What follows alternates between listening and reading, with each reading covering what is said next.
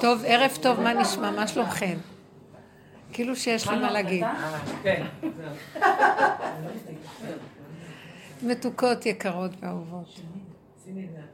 יותר, אני פשוט מספרת לכם, אף פעם לא הייתי מדברת על עצמי, אבל לאחרונה זה נהיה כזה, שאני רואה דרכי את המהלכים.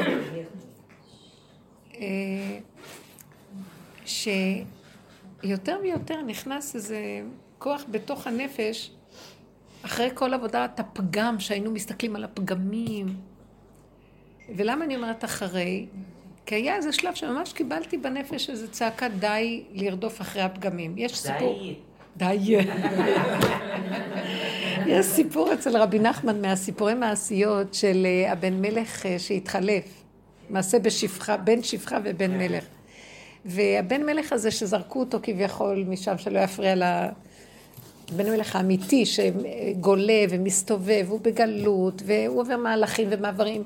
בסוף הוא מזכיר את עצמו לאיזה, מדרגה לדרגה הוא מגיע בסוף של המלאכה הכי בזויה, של להזכיר את עצמו לסוחר בהמות. והוא, אה,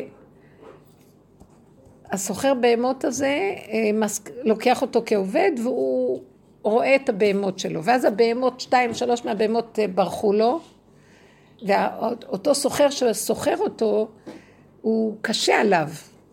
ואז הבהמות האלה בורחות לו ליער והוא מפחד שהבעל הבית יכה אותו או משהו אז הוא רודף אחריהם להשיג אותם ורודף להשיג ורודף להשיג והם בורחים למה והם בורחים ככל שהוא רודף אחריהם עד שהוא מגיע למעבה היער שהוא גם לא יודע איך לחזור ואז נעלמות לו הבהמות ואחר כך הוא מגיע לעוד עומקים וכבר לילה והוא שומע חיות טרף אז הוא עולה על עץ ונבהל ומחרת הוא רואה אותם ועוד פעם רודף עד שהוא מגיע למקום שבכלל אין שם בני אדם אין שם שום יישוב ואז הוא פוגש איזה בן אדם, איש היער, שהוא בכלל לא בן אדם, אבל הוא נראה כאדם.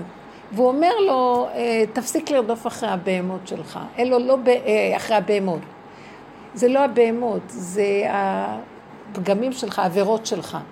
די, כבר שילמת ותפסיק, אין איזה סוף אתה, הם יובילו אותך לעומק עומק שלא תוכל אחר כך, כי זה לא נגמר.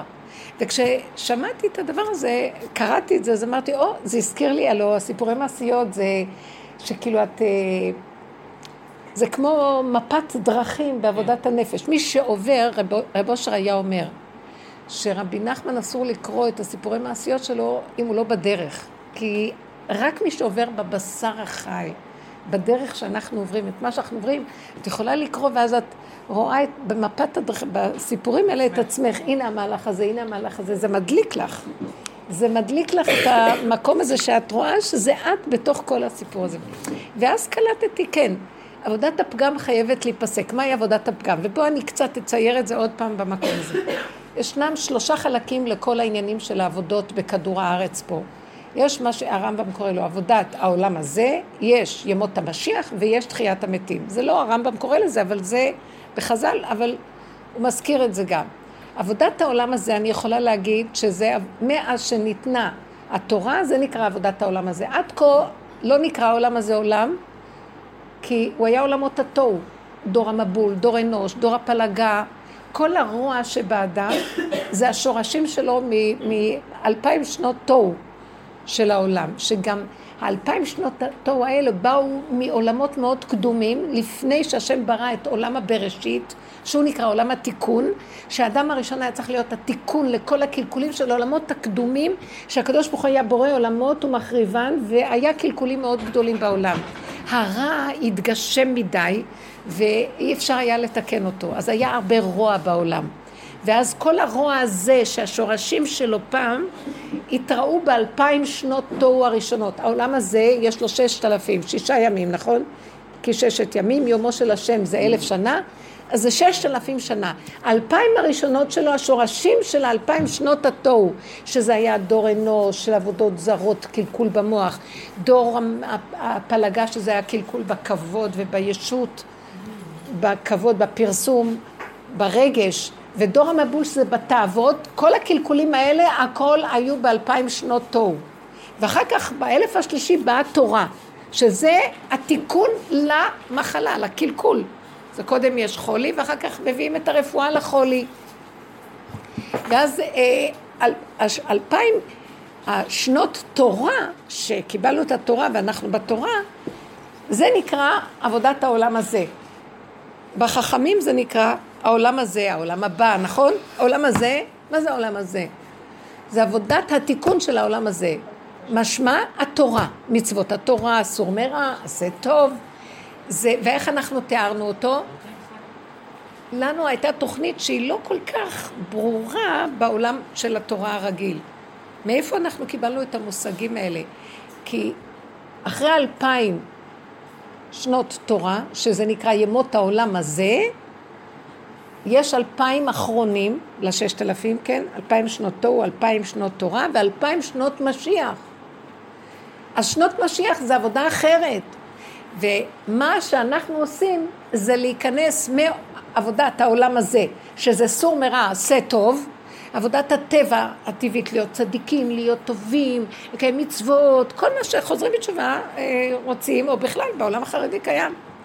ואנחנו קיבלנו דרך, זה מתחיל מדוד המלך שהוא היסוד של הדרך, הבעל שם טוב, כל הצדיקים מהסוג הזה, רב אושר, כל אלה שהלכו, מנחמן, רב אושר, כל אלה שהלכו במקום הזה של חיפוש האמת עד הסוף, בעבודת, עד הנפש בעומק, הבהמה, לרדת למטה.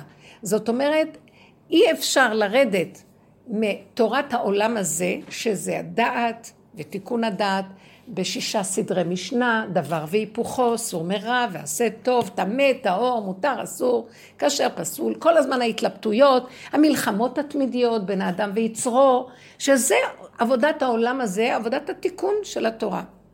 מה אנחנו עשינו? אנחנו נכנסנו לעבודת אליהו הנביא, שהוא בא שלוש ימים לפני משיח, זאת אומרת, הוא בא שלוש מצבים, צריך להבין מה זה שלושה ימים, והוא מלמד אותנו איך יורדים מעבודת העולם הזה כדי להיכנס לעבודת ימות המשיח. וזה הדרך שרב אושר נתן לנו. מהי הדרך הזאת? שכדי לרדת מעבודת העולם הזה, אנחנו חייבים לרדת במילים אחרות מהדעת, מעץ הדעת, טוב. מעץ הדעת רע, אז התורה מלמדת אותנו איך לא להיות ברע ואיך להיות טובים. עכשיו בא אליון הנביא ואומר, הוא רוצה להחזיר את הצדיקים בתשובה, את הטוב. תביאו את הטוב הזה ובואו נרד מכל הטוב והרע של עץ הדעת טוב ורע כדי להתחיל להתכונן למהלך חדש. ימות המשיח זה לרדת בכלל מכל הכדור הזה. מעץ הדעת להגיע לעץ החיים. ודרך אגב זה אותו עץ. זה בענפים שלו למעלה, בסבך של הענפים, וזה בשורשים. אז הוא אומר לנו בואו, אז איך באים? והנה השיטה, היסוד של השיטה שעבדנו עליה זה, אתה לא יכול לצאת מעץ הדעת, שאצלנו עץ הדעת זה הטוב, תחושת העצמי החיובי, הצדקות, תחושת היכולת, ההתעקשות על השתדלויות ועשייה בחיובי, הלחץ והמתח כל הזמן מול הרע. איך יורדים מזה? אז הוא בא ואומר לנו, הכלל הראשון הוא כזה, השני זה אתה. כל מה שהשני עושה לך, או יש לך אינטראקציה איתו מהחוצי לך, זה בעצם לראות את עצמך. אז תראה את עצמך ולא את השני. ובדרך כלל כשאתה רואה את עצמך, הדרך לרדת מהחיובי זה לחזור לשלילי של עצמך, כי אתה מכוסה עם דמיון חיובי של עצמך. אמנם באמת, בתהליך של החיובי שאנחנו נמצאים בעץ הדת, זה נראה לנו אמיתי שאנחנו טובים, אנחנו נותנים צדקות, אנחנו שומרים שבת, אנחנו עושים מצוות, אז אנחנו מאוד חיוביים בעיני עצמנו, ואם יש לנו טענה זה לשלילי השני, הוא לא שומר, הוא לא עושה, הם לא מתנהגים טוב, הם לא נותנים צדקות. אז בא אליהו ואומר לנו, תקשיבו, כדי לרדת מעץ הדת טוב ורע, קרי שהאגו הוא הכתר שלו, הוא גנב את הכתר, אגו טוב, אגו רע, מה לי טוב, מה לי רע, יש כאן אגו. זה מפריע לגילוי השם, שזה ימות המשיח, ההכנה להביא את... משיח הוא מסמל את, ה, את השליח השם שהוא כולו השם, כולו אלוקי, לא טבע, הוא אלוקי. אז בואו, איך מגיעים למהלך הזה, איך מפרקים את כל זה? רק דרך השלילה. איך האדם מתפרק, איך החיובי שלנו מתפרק, איך האגו נשבר. רק זה שהוא רואה את עצמו שלילי. וואי, איזה שבירה זאת. זה ייסורים נוראים. לראות את עצמי, מה, זה לא הוא, זה אני? זה אני שברתי את הכלים. זה... האני הזה חייב לעבור מוטציה. מאני לאתה. מאני חיובי לאתה שזה אתה, אתה, לא, כשאת אומרת לעצמך, זה את, זה לא הוא. זה את, זה את, זה את, זה את. אז האדם נכנס למקום של ייסורים. בגלל שעדיין נשארת לו תודעת עץ הדת שהוא רוצה להיות חיובי, ופתאום מראים לו כמה הוא שלילי, ושם הוא יכול להישבר מאוד. אז אליהו בא ואומר לנו, אל תישברו, כי גם השבירה הזאת זה אגו. אתם צריכים פשוט לפרק את האגו. אין דרך לפרק אותו, רק לראות את הכלום שלכם. אתם לגמרי שלילי ולא חיובי. אין חיובי, השם הוא חיובי ואתם שלילי. גם החיובי של עץ הדעת חיובי, כולו שלילי. כי הוא גנוב. הוא שלילי, אתם מבינים מה זה המילה שלילי? הוא לא אלוקי, במילים אחרות. הוא דמיוני ישותי. אנחנו חיים בבועה של דמיון מזעזעת של אנחנו ואנחנו ואנחנו ואנחנו. כל הזמן זה ככה. אנשים נעלבים כל הזמן. אנשים נשברים כל הזמן. אז עכשיו מה אנחנו צריכים לעשות? אנחנו נשברים, אנחנו נעלבים, ואנחנו הכי נשברים ונעלבים. כי אנחנו רואים את עצמנו, עוד השני נשבר מהשני. אנחנו רואים, תתבגרו. זה לא השני, זה אני. מישהי אמרה לי, העלבת אותי. אה, לא, נפגעתי ממך. אז אמרתי לה, אני רק המראה השקופה שלך. את ראית את עצמך. בכלל היא נפגעה נורא. עכשיו אמרתי, אה, באמת, אמרתי לה את זה בצורה פשוטה, כי די, לא היה לי סבלנות כבר לכל הגינונים. למה היא נפגעה? כן נפגעה? אמרתי לי לא היה... איך, איך כתוב? זה לא מחלוקת משה וקורח, זה קורח עם עצמו. קורח חלק עם עצמו, משה לא היה לו חלק בזה בכלל. הגאווה שלו היא סיבכה אותו, וזהו עם עצמו, מה אתה רוצה עכשיו? אין לי כבר סבלנות. בקיצור, המהלך של העבודה שעשינו, איך לרדת, אתן מרוכזות? כן. מי זה מסתכל שם על מישהו? על תינוק? כן, כן. תינוק, תסתכלו בבית, עכשיו רק עליי. עכשיו, המהלך הראשוני של איך לרדת מעץ הדת, רבותיי, עץ הדת זה בועה של ישות. ואי אפשר לרדת מהבועה הזו, שזה עץ הדת, שבמתן תורה העץ הדעת הזה התפרק לחלוטין וראינו אלוקים חיים, שמענו וראינו אלוקים. ואחרי החטא של העגל חזר עוד פעם, הפסוק אומר, ואני אמרתי אלוקים אתם ובני אדם כולכן, אכן כאדם תמותו, וכאחד השרים תיפולון, זה השבירה של עץ הדת. עץ הדת זה, זה השביר, אה, העגל, מעשה העגל זה וריאציה חוזרת של שבירת עץ הדת, זה אותו דבר. אז מה שהאדם הראשון, מה שהשם רצה לתקן במתן תורה, שהשבירה של אדם הראשון שאמרנו, זה חירות ממלאך המוות, המעמד הזה היה, עוד פעם חזר אחרי... אה, ועכשיו כל הדורות אנחנו חיים עם השבירה של, של, של העגל, לוחות שניים, אנחנו בעץ הדת. אבל עכשיו איך מתקנים אותו? סור מרע ועשה טוב. אז עכשיו קודם כל, אתה לא יכול לרדת ממנו, רק על ידי זה שאתה קודם עושה את כל המעבר. אתה רואה את הרע הזה? את הכל צריך להפוך לטוב. זה המאבק הכי גדול שיש. אבל אה, לקראת הסוף גם זה נגמר. אין, אליהו הנביא יבוא ויגיד לנו, אין טוב ואין רע, יש גילוי מלכות השם. שמה היא? קו האמצע. ימין ושמאל תפרוצי ואת השם תעריצי. איך שזה ככה זה מושלם. אין, אין תודעה של דבר והיפוכו, פרשנות, חרדה, אימה, מלחמה, מתקיפים ואז צריך לעמוד מול זה. אין מלחמת היצר, נגמר היצר, מת היצר, אין יצר. יש גילוי בורא. לא, גם יצר הטוב הוא יצר. אין לא יצר רע, אין יצר טוב, אין כלום. נגמר הדואליות הזאת. איך מגיעים לזה? אז תעשה את הרוורס. קודם היינו רעים, נהיינו טובים. עכשיו תחזור להיות רע ותפרק את הטוב. תחזור להיות רע. אבל תחזור להיות רע זה כבר משהו אחר, זה לא להיות רע. אסור לנו לעשות רע בחוץ. זה להיות רע, הכוונה, תשלים שאתה פגום לחלוטין, ואין לך, אתה רואה את הבהמות? זה אתה. בהמות הייתי עמך. אל תרדוף אחרי הפגם שלך יותר, כי תכיר, למה אומר לו הסוכה, האיש היער הזה, תפסיק לרדוף אחרי הבהמות, אחרי הפגמים. תכיר שאתה תקוע, וגמרנו, לא יכול אחרת. זה היסוד האמיתי שלך, ודרך אגב זה לא שלילי בכלל. אנחנו בכלל לא מציאות. ואם השם לא עוזר לנו, רגע, אנחנו מציאות של גולם נפול. אם השם לא יקים אותי בבוקר, אני גולם מת. למה, איך בלילה אדם נראה מת? שוכב במיטה, לא יודע מה קורה לו, יכולים לטלטל אותו, הוא לא יודע. מי זה שפתאום הקים אותו ונותן לו רוח חיים? תגידו לי מי. אבל איכשהו קם אומר אני, הגולם הזה. הוא שוכח איך הוא היה במיטה. לכן, אז הוא אומר, מודה אני לפניך. איכשהו קם אומר, מודה שהאני לפניך. כי זה תקוע מה שקורה פה. אז ישר אנחנו אומרים, אה, סומך נופלים, מתיר אסורים, מלביש ערומים, אה, וכל זה כי אנחנו אסורים, ואתה מתיר אותנו ואנחנו ערומים, ואתה מלביש אותנו, ואנחנו נפולים ואתה מקים אותנו, אנחנו מודים, אבל אחרי אחרי שעותינו, יאללה. באנו, אנחנו רצים לכבוש את העולם עם האני הזה. אז בסופו של דבר, זה כל המהלך האמיתי, לזכור. והדרך הזאת מכריחה אותך לזכור מי את. למה? ריבונו של עולם, כל אם אני נאמנה לאמת ולדרך, אני רק רואה את הפגמים שלי כל היום. וכל העבודה שלי להיזהר שאני לא ימות מרוב תוגה ויגון והנחה איך אני נראית. דלפה נפשי מתוגה, אומר דוד המלך. עוד מעט אני מת. אה, עצמו משערות ראשי. אין, ארו המים הזדוניים על נפשי. כל כך הרבה ביטויים יש לו שהוא הולך למות. כי עדיין יש לו תודעה של עץ הדת, שלא יכולה לסבול את השלילה שלו, וישר מפרשת לו, תתבייש לך, והקול האמיתי אומר לו, לא, כי ככה אתה וזהו, תכניע ראש לפני הבורא. לא לפני השני, לפני הבורא, אבא זה אתה. תודה רבה.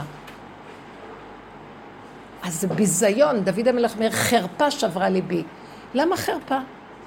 כי האגו שלו אומר לו, תתבייש, אתה, אתה ממש חרפה. בורא עולם משתמש בטבע שהוא נתן לי, אני רוצה להוביל אתכם למהלך עמוק ונחזור, כולנו נשתתף בו כדי שזה לא יהיה נפרד מכם.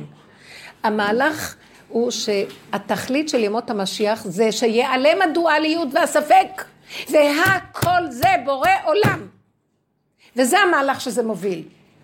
גם אם תבואי ותגידי לי, עכשיו השכל יפתח, אומר, זה לדחוק את השעה. זה כבר נגמרו המילים האלה. זה היה בורא עולם, הוא דוחק את השעה, הוא רוצה מה שהוא רוצה, זהו. אסור לי בשלב הזה להיכנס לספק. אני רוצה שנתחיל לעבוד על המקום הזה, איך מכניסים את המהלך שלא נותנים לספק מקום. תראו, יש תהליכים מאוד שמזדרזים עכשיו בעולם, ממש מרגישים קש... ממש חזק שיש מהלך חזק בעולם של איזה גילוי. אה? עכשיו יחסית יש רגיעה. כן, אבל הרגיעה זה הגילוי שלו. שהוא אומר לנו, די להתערב לי בעולמי. מה זה נקרא להתערב? שאני עוד מתלבטת בין שני הפכים. אל תתערבו לי, תנו לי את הגולם שלכם ואני נכנס בו. תפסיקו עוד לעבוד עם האגו, לרדו, אפילו עבודה הכי נפלאה, עבודת אליהו הנביא, לחזור בתשובה, להסתכל על עצמנו, להגיד זוהי וזה... לעבוד עם הפגם, נכון? לעבוד עם הפגם. ניסיתי לדחוק את השעה, בדיוק, בדיוק. להגיד ככה וזה ככה וזה לא ככה, כלום, גם זה לא. אם זה קרה, זהו זה. עכשיו, זה המהלך, הוא מאוד מאוד חשוב. יש איזה מקום בסיפור הזה של בן המלך, שאחר כך הוא צריך להיכנס לאיזה גן, והגן, אמרו לו, אם אתה נכנס לגן הזה, אז uh, מי שנכנס לגן הזה, רודפים אחריו קולות הכי מפחידים, וכל כך, מבהילים אותו ברמה כזאת שיוצאת, נטרפת עליו דעתו מהקולות והרעשים וכל הבלבולים שיש בגן הזה. ואז הוא אומר, תנו לי להיכנס. והוא נכנס לגן, איך שהוא נכנס, הוא ישר רואה שיש שם איזה דמות של מלך, איקונין כזה, דמות, פסל, שיש עליו שלט שכותב שם, המלך הזה היה איש שלום גדול, בזמנו היה שלום גדול בעולם, לפניו היו מלחמות, אחרי שהוא מת היו מלחמות, בזמנו היה שלום גדול בעולם. אז הוא הסתכל על האיש הזה, ועכשיו הוא מבין שאם הוא יעמוד ליד האיש של השלום, כל אותם כוחות של הבלבולים לא יכולים לנגוע בו. אבל הוא גם קלט שהוא צריך להיות באמצע הגן, והוא עמד בצד, אז הוא הזיז אותו לאמצע הגן, והוא עומד לידו. ועכשיו התחילו כל הקולות, והוא מחזיק לידו, אף אחד לא היה יכול לו. ואני הסתכלתי על זה ואמרתי, מה זה האיש שלום הזה שעומד באמצע? זה קו האמצע. אין כן ואין לא, ואין נכון ולא נכון, זה יום השבת. אין שלושה ימים קודם ואין שלושה ימים אחרי. זה קו האמצע, ואיך שזה ככה מושלם. תקשיבו, אני נותנת לכם עכשיו את התרופה, זה לא אני נותנת, זה נכנס לעולם, התרופה לכל השיגעון והחולי של העולם, של עץ הדת, זה הדואליות, שגם התורה עושה סדר, סור מרע ועשה טוב, ברור מה כן, מה לא. אבל עכשיו לקראת הסוף דווקא הכל מתבלבל ולא ברור, גם בתורה, מה כן, מה לא, הכל נעשה סערה גדולה. כי השם רוצה לערבב את הכל, והגן הזה, שהיה פעם מאוד מסודר, סידרו אותו בגן עץ הדת, עכשיו לקראת שיתגלה השם צריך להיות תוהו ובוהו, והחכם הגדול עומד ואומר, נותנים לו עכשיו ניסיון גדול. איך לא להשתגע מהמהלך הסופי? לא להתרגש משום דבר. מה זה לא להתרגש? לא להתגרש מנקודת האמצע. לא להתבלבל ולפרש, זה כן, זה לא, למה זה קרה, לא קרה. אז היא באה לשכנע אותי שאני פגעתי, ואז אמרתי לה, לא פגעתי, לא נגעתי, לא קשור אליי, אין לי כלום. זה הנקודה שלו. עוד, כל הזמן אישה עכשיו, יבואו וינסו להסיר אותך, טה טה טה טה טה טה, יבואו ויגידו, הרסת את הכל. טה טה טה זה בורא עולם, זה לא קשור אליי. את קל לך להגיד לא קשור אליך, העולם יוריד אותך וינסה להוביל אותך, לא לענות, לא להתבלבל, העיקר לשמור על שלוות הנפש ולהגיד לו, אבא זה אתה, אתה רוצה תהרוג אותי, אמרתי לך מזמן שאני לא רוצה להיות בעולם הזה כבר, עשיתי את כל העבודות ואתה מחזיר אותי לעולם ואתה עוד רוצה שאני אחזור? לקחת אחריות על העולם של עץ הדת? סליחה, אל תעבירו את היין, תעבירי את מהיין לעם. סליחה תגידי, בורא עולם, אני אמרתי לך שאני לא רוצה להמשיך להיות פה. אם השארת אותי פה, ובאמת, אחרי ככלות הכל, אתה חייב להתגלות פה, וזה שלך, לא שלי. אה, רגע, אתן קולטות את היסוד האחרון? זה המהלך שעכשיו נכנס בעולם, כדי שיהיה גילוי השם. הוא כאילו בוחן אותנו, אתם רוצים שאני אתגלה? אתם חייבים ללכת בקו הזה. אם אתם עוד תלכו עם הספק... קשור, חבר'ה, אי אפשר. אם אתם עוד הולכים עם הספק, ועם ההגדרות, ועם ההאשמות, ועם עבודות עצמיות, אתם לא נותנים לי להתגלות. יש uh, בתפילת שמונה עשרה, נכון, המין, למינים ולמלשינים לא תהי תקווה, זה תפילה שהוסיפו אותה, זה היה שמונה עשרה, זה היו שבע עשרה אה, מהכנסת הגדולה שתיקנה, נראה לי ששמואל הקטן, אחד התנאים, הוסיף את הלמינים ולמלשינים לא תהיה תקווה. וכל הברכות האלה, בקבלה יש להם שם הוויה, חותמים בשם הוויה, ברוך אתה השם, ברוך אתה השם, ברוך אתה השם, אז כל ברכה היא נחתמת בהוויה בניקוד אחר. ספירת החוכמה, ספירת הבינה, ספירת התפארת, וכן כל העולם, מי שקצת מבין. ולמינים ולמלשינים זה הכתר. ואמרתי לעצמי, הניקוד של הכתר זה קמץ, קמץ זה הקימוץ, זה הצמצום מאוד מאוד גדול של העין. למה במינים ומלשינים הקמץ של הכתר? ונקלט לי, אחרי, אחרי המעברים האלה פתאום קלטתי, שאלתי את עצמי, השם שם לי, אמרתי, כי רק העין יכול לפרק את הכפירה. כי המינים והמלשינים והכופרים והפויקים, כל אלה זה בלבולים במוח. זה לא תאוות, זה כופרים, זה מינים. נכון שאחר כך הם גם מקלקלים למטה, אבל זה בא בהתחלה בדעת. המוח הזה, מה יכול להשתיק אותו עם כל הבלבולים שלו? אין, אין כלום. תעמדי בקו האמצע, אין כלום. כי ברגע שאת הולכת להתדיין איתם, וזה אומר ככה, ואת אומרת להם ככה, ואת עונה להם, הם מסובבים אותך והם יכולים לבלוע את החיים. אין מה לענות.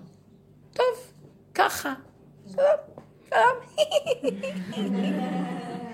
אי אפשר לצאת ראש מהאפיקורסות.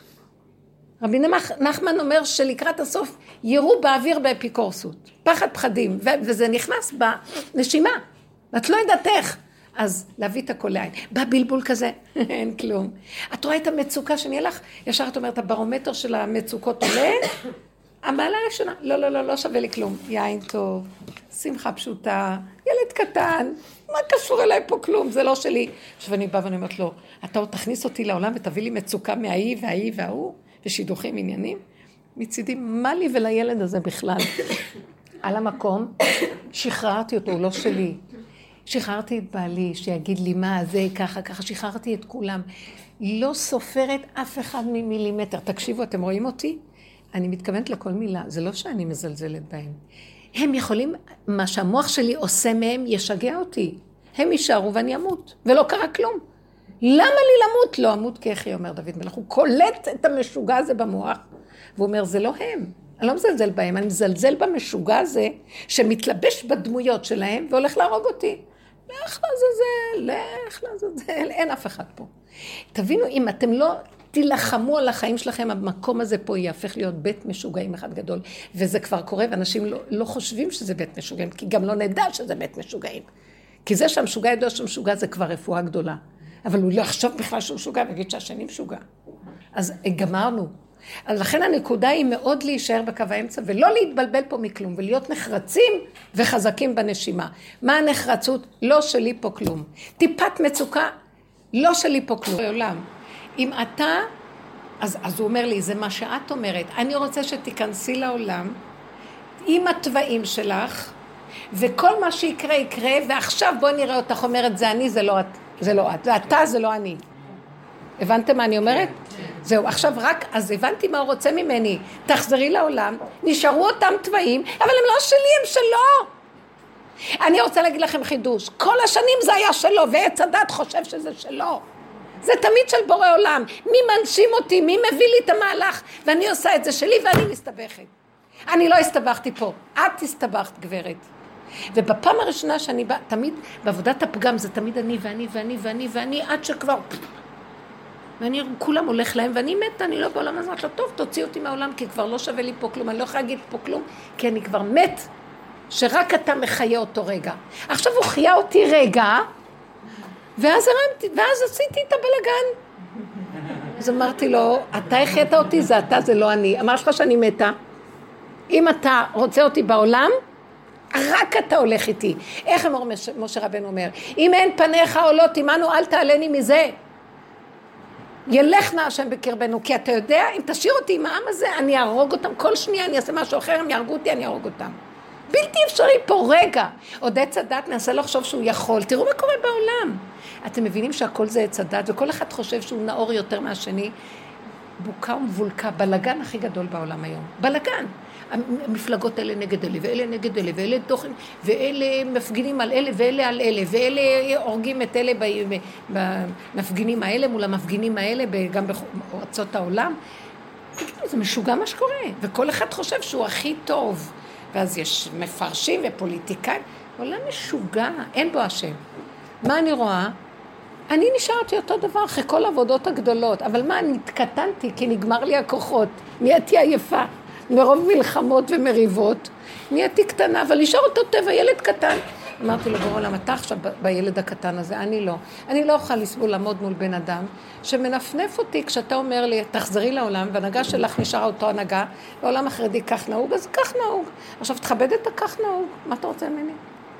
השמחה. תמליכו אותי, השם אומר, אתם מדי, יותר מדי עם החשבונאות שלכם, יותר מדי עם המוחות שלכם, יותר מדי עם הישות שלכם, והכל על פי ההיגיון, ואפילו על פי תורה, די כבר עם תורת עץ הדת.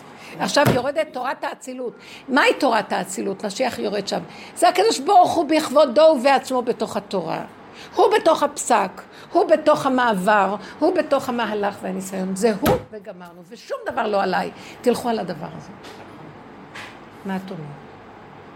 כן. שבוע שעבר, ב-26 לדצמבר, אה, אה, למה אני אומרת את התאריך? אה, אחותי מתקשרת אליי, מרגישי, יואו, אין 13 שנים. אמרתי, כן, אמרתי, איזה סרטונים יש בפייסבוק. יואו, זה היה 13 שנים לצונאמי. היא הייתה בצונאמי? היא הייתה בצונאמי. אה, אין היית בצונאמי. מה פירוש היית? אה. היה צונאמי. עבר עלייך גם הצונאמי? במים היית? בתוך הים, בים ואמרתי לה, תרגי, אמרתי לה, אז היא אומרת לי, יואו, 13 שנה, אמרתי לה, והיא כאילו, וואי, אני מאמינה. אמרתי לה, תצחקי, זה יכול להיות גם היורצייט שלי. אה, איזה חמודה. אז היא צוחקת וזה, ואז היא אומרת לי, יואו, וזה, אמרתי לה, השם. ואני אמרתי לה, תראי, אני, את האמת, אין לי טראומה מזה. כאילו, מה שקרה לי אחרי הצונאמי היה יותר. כאילו, לא, זה היה צונאמי יותר גדול כשהתחתנתי. אה, זה היה אחרי הצונאמי שהתחתנת? חודש אחרי הכרתי את בעלי וזה. תחיית המתים. אני כאילו, דווקא הדרך נתנה לי להבין, כאילו, גם אחרי זה ראיינו אותי וזה, ומה הרגשת, מה חשבת, ואמרתי לך, תקשיבי, אני לא חשבתי כלום. לא חשבתי, גם לא הרגשתי, לא פחדתי, לא, לא, כלום. זה גילוי השם. כלום, אמרתי לה, אמרו לי, אמרתי, הרגשתי את השם, אומר לי, עכשיו תשחררי את הג'יפ, נסחפתי עם ג'יפ, נסחפתי עם ג'יפ. עכשיו תחררי את הידיים מהג'יפ, עכשיו תעשי ככה. ממש הרגשתי שכאילו ממש מנחים אותי. היום אני יודעת גם להגיד כאילו מה קרה לי שם, אני מבינה מה היה. אבל אף פעם לא הבנתי, ומבחינתי זה מאוד מעניין, זה בדיוק המקום. לא היה לי שום דבר, אה, שום מחשבות. התודעה של עץ הדת נפלה והופיע גילוי השם. ולא היה לי גם אחרי זה, וואו, מה קרה לי. לא, לא נפתח לי כלום על הדבר, כלום, כלום. אפילו, כאילו, אמרתי, טוב, אולי בכל זאת, אחרי שזה קרה, אחרי שזה קרה, אמרתי, אה, אולי אני אלך לפסיכולוגית, אולי אני באיזה פוסט-טראומה, הדחקה, משהו, לא יודעת מה. כשהגעתי לשם, אמרתי, עוד שנייה, אמרתי, עוד שנייה, אני הופכת עליה את השולחן, לא מתאים לי, לא, לא, לא, זה לא, זה לא. זה לא, ממש לא. איזה מותק, האמת התגלתה. כן, ממש. איזה יופי. ממש. היום אבל יודעת... אתה תחשוב שתהיה לך טראומה במקום הזה, כאילו. כן. שאם אנחנו עוברים משהו, שהוא כזה, הוא צריך לעבור את זה גם עץ הדת. הפעם, זהו, כן. לא, מה עושה- עץ הדת? מה עושה עץ הדת? הוא לוקח סיפורים אמיתיים ומחריב אותם ומכניס אותם לשקר. מה היה לאחר, איך הרגשת, מה עשית, וכותב כתבות, וכותב עניינים, ואז הוא מוציא אותך מהנקודה. תיזהרו מהעולם, שקרנים, רמאים. כל האנשים פה, המקצועות של הטבע וכל הזה, תיזהרו. אני כבר אומרת לכם, לאחרונה אני מתהלכת עם תחושה חזקה, שאם אני לא אצמצם את עצמי ליסוד האמת ורק איתו, אני כל רגע נבלעת פה כמו אני לא יודעת מה. סכנת מוות פה. הכל מלא שקר וכזב, הכל, אבל ממש חזק. ומה שנשאר לי הוא לנשום וליהנות כמו ילדה קטנה, במתוק איתו, ועוד פעם ועוד פעם. וטיפה משהו גורר אותי ישר, אני אומרת, זהרי לך, ועוד פעם.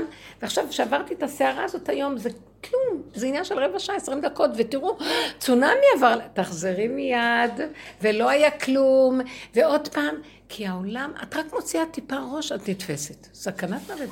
תקשיבו, בדקויות זה באמת מסוכן פה. אנחנו מאוד גסים בתודעת עץ הדת, כל כך אנחנו גסים, שאנחנו, אתם יודעים מה אני קוראת לזה? מחושפים פה. זה כישוף. עשו לנו כישוף. אנחנו פה מחושפים, זה ברור לי. זה, מי שראה את הסרט המטריקס אולי קצת ככה. אפילו בעולם התורה, הוציאו אותנו מהכישוף של המטריקס, אבל בכל אופן שמו עלינו, כפו עלינו הר כגיגית. גם זה מין כישוף, זה לא בדיוק כישוף, אבל זה מין, מכריחים אותך לאיזה, מהממים אותך, כי עדיין את תחת החוק הזה. עדיין את יצאת משם, כי השם הראה לנו את כבודו והראה לנו, יצאנו מהמטריקס, אבל חזרנו ואנחנו עוד, כאילו הכנסנו את התודעה האלוקית שנתנו לנו, יש לנו בגנים תודעה אלוקית, כי כבר הוציא אותנו. לדעתי הגויים לא יכולים לצאת מעץ הדת. אבל היהודים, והיהודים זה נשמות שהיו במתן תורה, הם, אפילו שחזרנו והשתעבדנו, ואנחנו כולנו גם עמומים, אבל יש לנו בגנים את המקום הזה. ומי שרוצה לעורר אותו, הוא יכול, יש לנו יתרון. אני, בוא נגיד שאומות העולם כן יש להם את הצד הזה של עבודת הנפש, והם מכירים בבורא עולם, וכמו שרות המואביה הביאה, הביאה את עבודת המלכות לעם ישראל, אבל עבודת עץ הדעת, האומות לא קיבלו על עצמם. סור מרע ועשה טוב. הם לא קיבלו על עצמם. רק דרך היהדות זה כן נכנס בעולם. הנצרות לקחה מהיהדות, האסלאם לקח מהיהדות, שהכניסו מוסר בעולם. אבל בדקות הזאת של, זה כמו שאנחנו בעבודה לקחנו לרדת לפגמים ולראות שזה רק אני ולא השני, ועד הסוף, עד שמתנו, זה גיהנום. עבודת הפגם זה גיהנום, זה, זה, זה לשרוף את הישות. זה, את רואה את עצמך בשיא הרשע, ואין לך ברירה רק להודות שזה את, ואת מתה להרוג את השני, ואת אומרת, אבל אין לך ברירה, זה את, ואדם שרואה את המהלך הזה ומודה, באותו רגע הוא מת. זה כאילו מת לו האגו, בקיצור, הוא לא מת, אבל מת לו האגו, שזה בעצם החיות שלו בטבע. זה מהלך שעם ישראל עבר בכל הדורות, דרך הגלויות שעברו ושעבוד מלכויות. ואנחנו עושים את זה בסוף עם הפגמים של העבודה. זה גם בתורה, החכמים עושים את זה באוהלה של תורה. הבן שלי אמר לי, אמא, את יודעת מה זה להיכנס בסוגיה של הגמרא לפעמים? זה למות. זה למות. זה קשה מוות. אין לך חיות, את לא קולטת מה רוצים ממך, ואת צריכה להיכנס, ואת לא יכולה, ואין חיות, ואת צריכה להתעקש ולדפוק את הראש, ועוד פעם, ועוד פעם, ועוד פעם, עד שמתבקעת הקליפה. זה, הם עושים את זה בדעות, וזה במידות. וזו אותה עבודה, עד שמתים. זה לראות את הגיהנום בעצם. ואחרי כמה זמן, אדם כי ימות באוהל, התורה נקנית בו. אדם כי ימות בתוך עבודת המידות, מתחיל להתעורר אור חדש. מהו האור החדש? כלום לא שלי, הכל שלך. אני תינוק שהבאת אותו עם אותם תוואים שהיו לי קודם, אבל הכל בקטן, כי כבר אה, נפל כל הדמיון הגדול הזה, וכבר אין לי אפילו, אני רוצה להרוג, אבל אין לי כוח להרוג. אני רוצה לגנוב, אבל אין לי כוח, אפס, אין לי כוח, אני קטן. זה הוא כלא אותי בחזרה קטנות, אבל נשארו אותם תוואים. ואז אני אומרת לו, עכשיו זה שלך, לא שלי. אם אתה תבוא, אם יבוא הדעת ויתעורר ויגיד, מה עשית? אני אגיד לו, אתה לא תעז להגיד לי מה עשית, זה הכל אתה. אל תנסה אותי, כאילו אתה משחק איתי באיזה משחק להגיד לי, מה עשית? כאילו כמו שהאדם הראשון, השם אומר לו, איפה אתה? יקה. הוא מנסה להתחיל איתו, כדי שהוא יגיד לו, מה יקה? אתה לא רואה אותי? לא מסתתר, מפניך לא מסתתר. אנא מפניך אברח. אם אשק שמיים שם אתה, ואציע שאולינקה. אשא כנפי שחר אשכונה באחרית ים. גם שם ידך תנחני בתוך הזן ימיניך. אז אל תגיד לי אייכה. אבל כשהוא רק אמר לו אייכה עוד הסתתר, כי תורת עץ הדת התחילה לחלחל בו הפגם, והיה לו אגו, אז הוא התבייש. כשיש אגו יש בושה. תדעו לכם, הבושה זה סימן של אגו.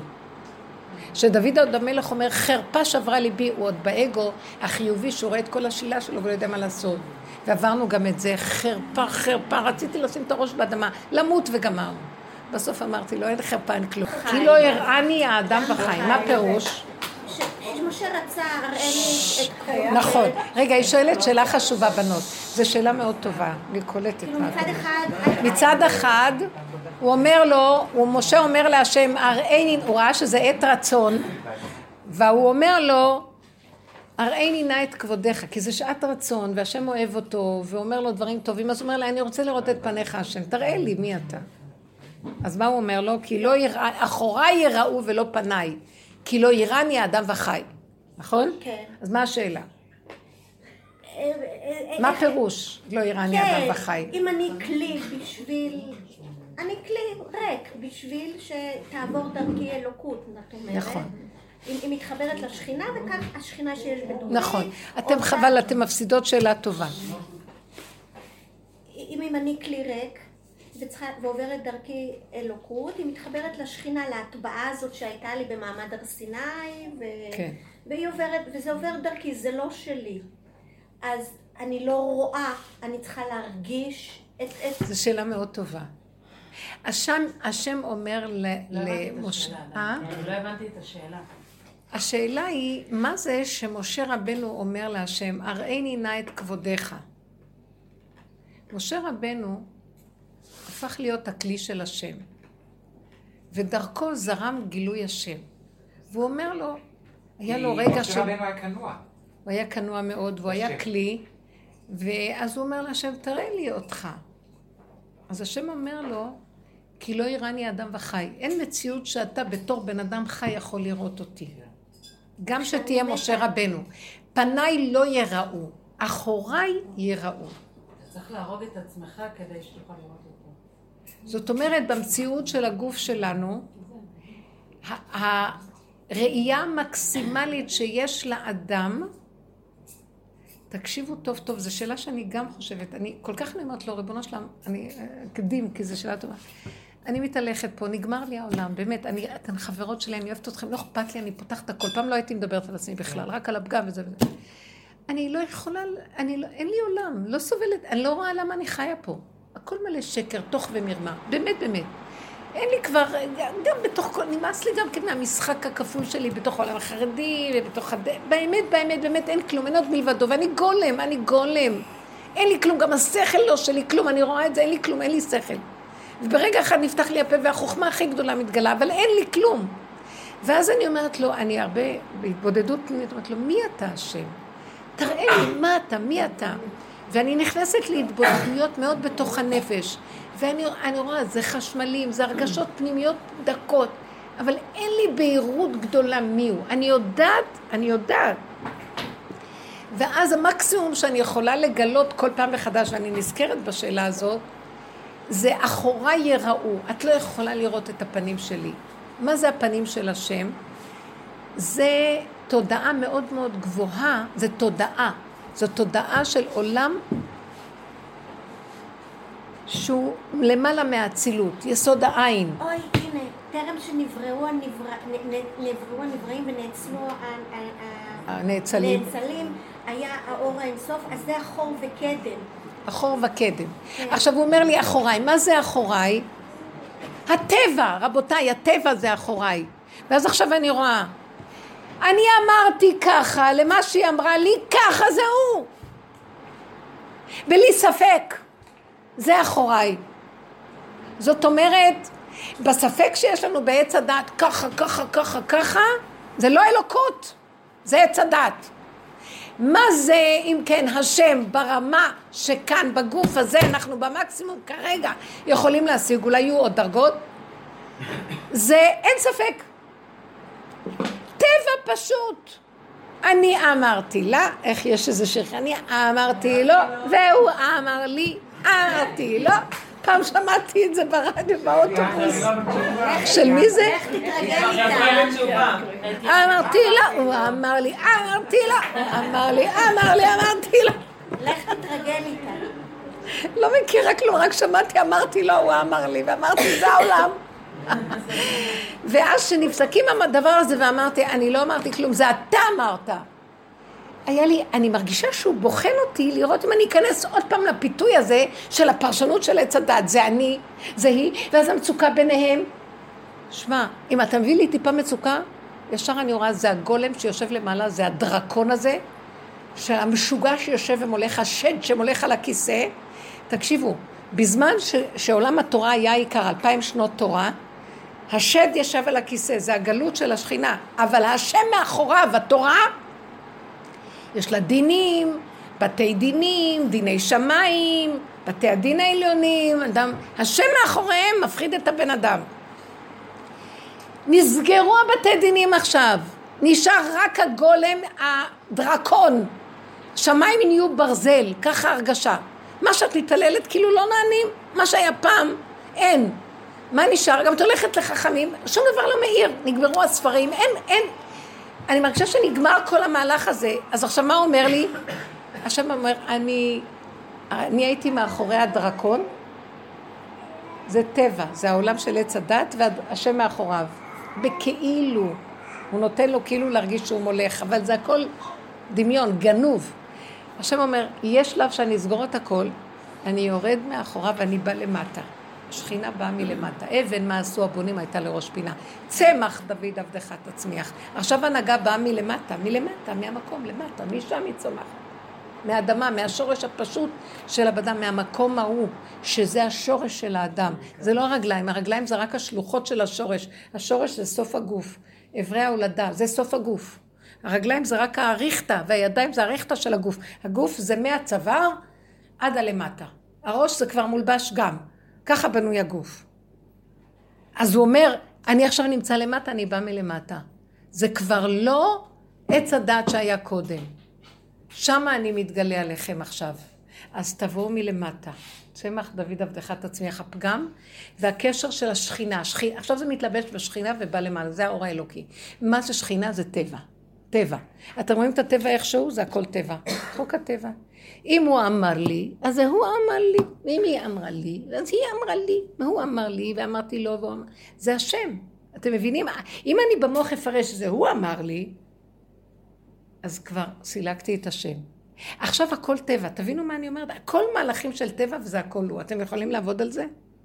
כן. הבעל שלך אומר לך, ואת כועסת עליו, אל תעני לו. הוא אמר לי, זה הבורא עולם אומר לי, מה אתה רוצה? אז עכשיו היא אומרת לי, ורוצה להתווכח איתי ולריב איתי, ואמרתי לה, ככה זה וזהו זה. אז היא נשארה עם הכאבים שלה, כי היא רוצה שהוא אמר לי ואני אמרתי לו, וזה העניין של טבע, דבר והיפוכו, וזה, והיא רוצה לריב. ואני אמרתי לו, זה הוא אמר וזה הוא אמר, והיא אמרה לו והוא אמר לה וזה הוא. זה לא קשור אליי. זה לא קשור אליי. אני... איך, מה? זה השיר, לך תתרגל איתה. לך תתרגל איתה. יפה, אני לא מכירה את השיר, לך תתרגל איתה. לא, השיר, אמר לה, לך תתרגל איתה. מאוד יפה. לך תתרגל איתה. תקשיבו, השכינה מתגלה, הכל זה היא. גמרנו להטיל ספק. כזה. אם אתה תעיז להביא אותי בכאבים שזה אני, אני אחריב את כל העולם. ואני אגיד, זה רק שלך, וזהו, ואל תבוא, אל תבוא לשכנע אותי שלי. ואני מרגישה שהוא כאילו מזיז את הווילון ואומר, זה רציתי לשמוע. תודה. תגידו כבר שזה הכל אני. אני אכריח אתכם להגיד את זה.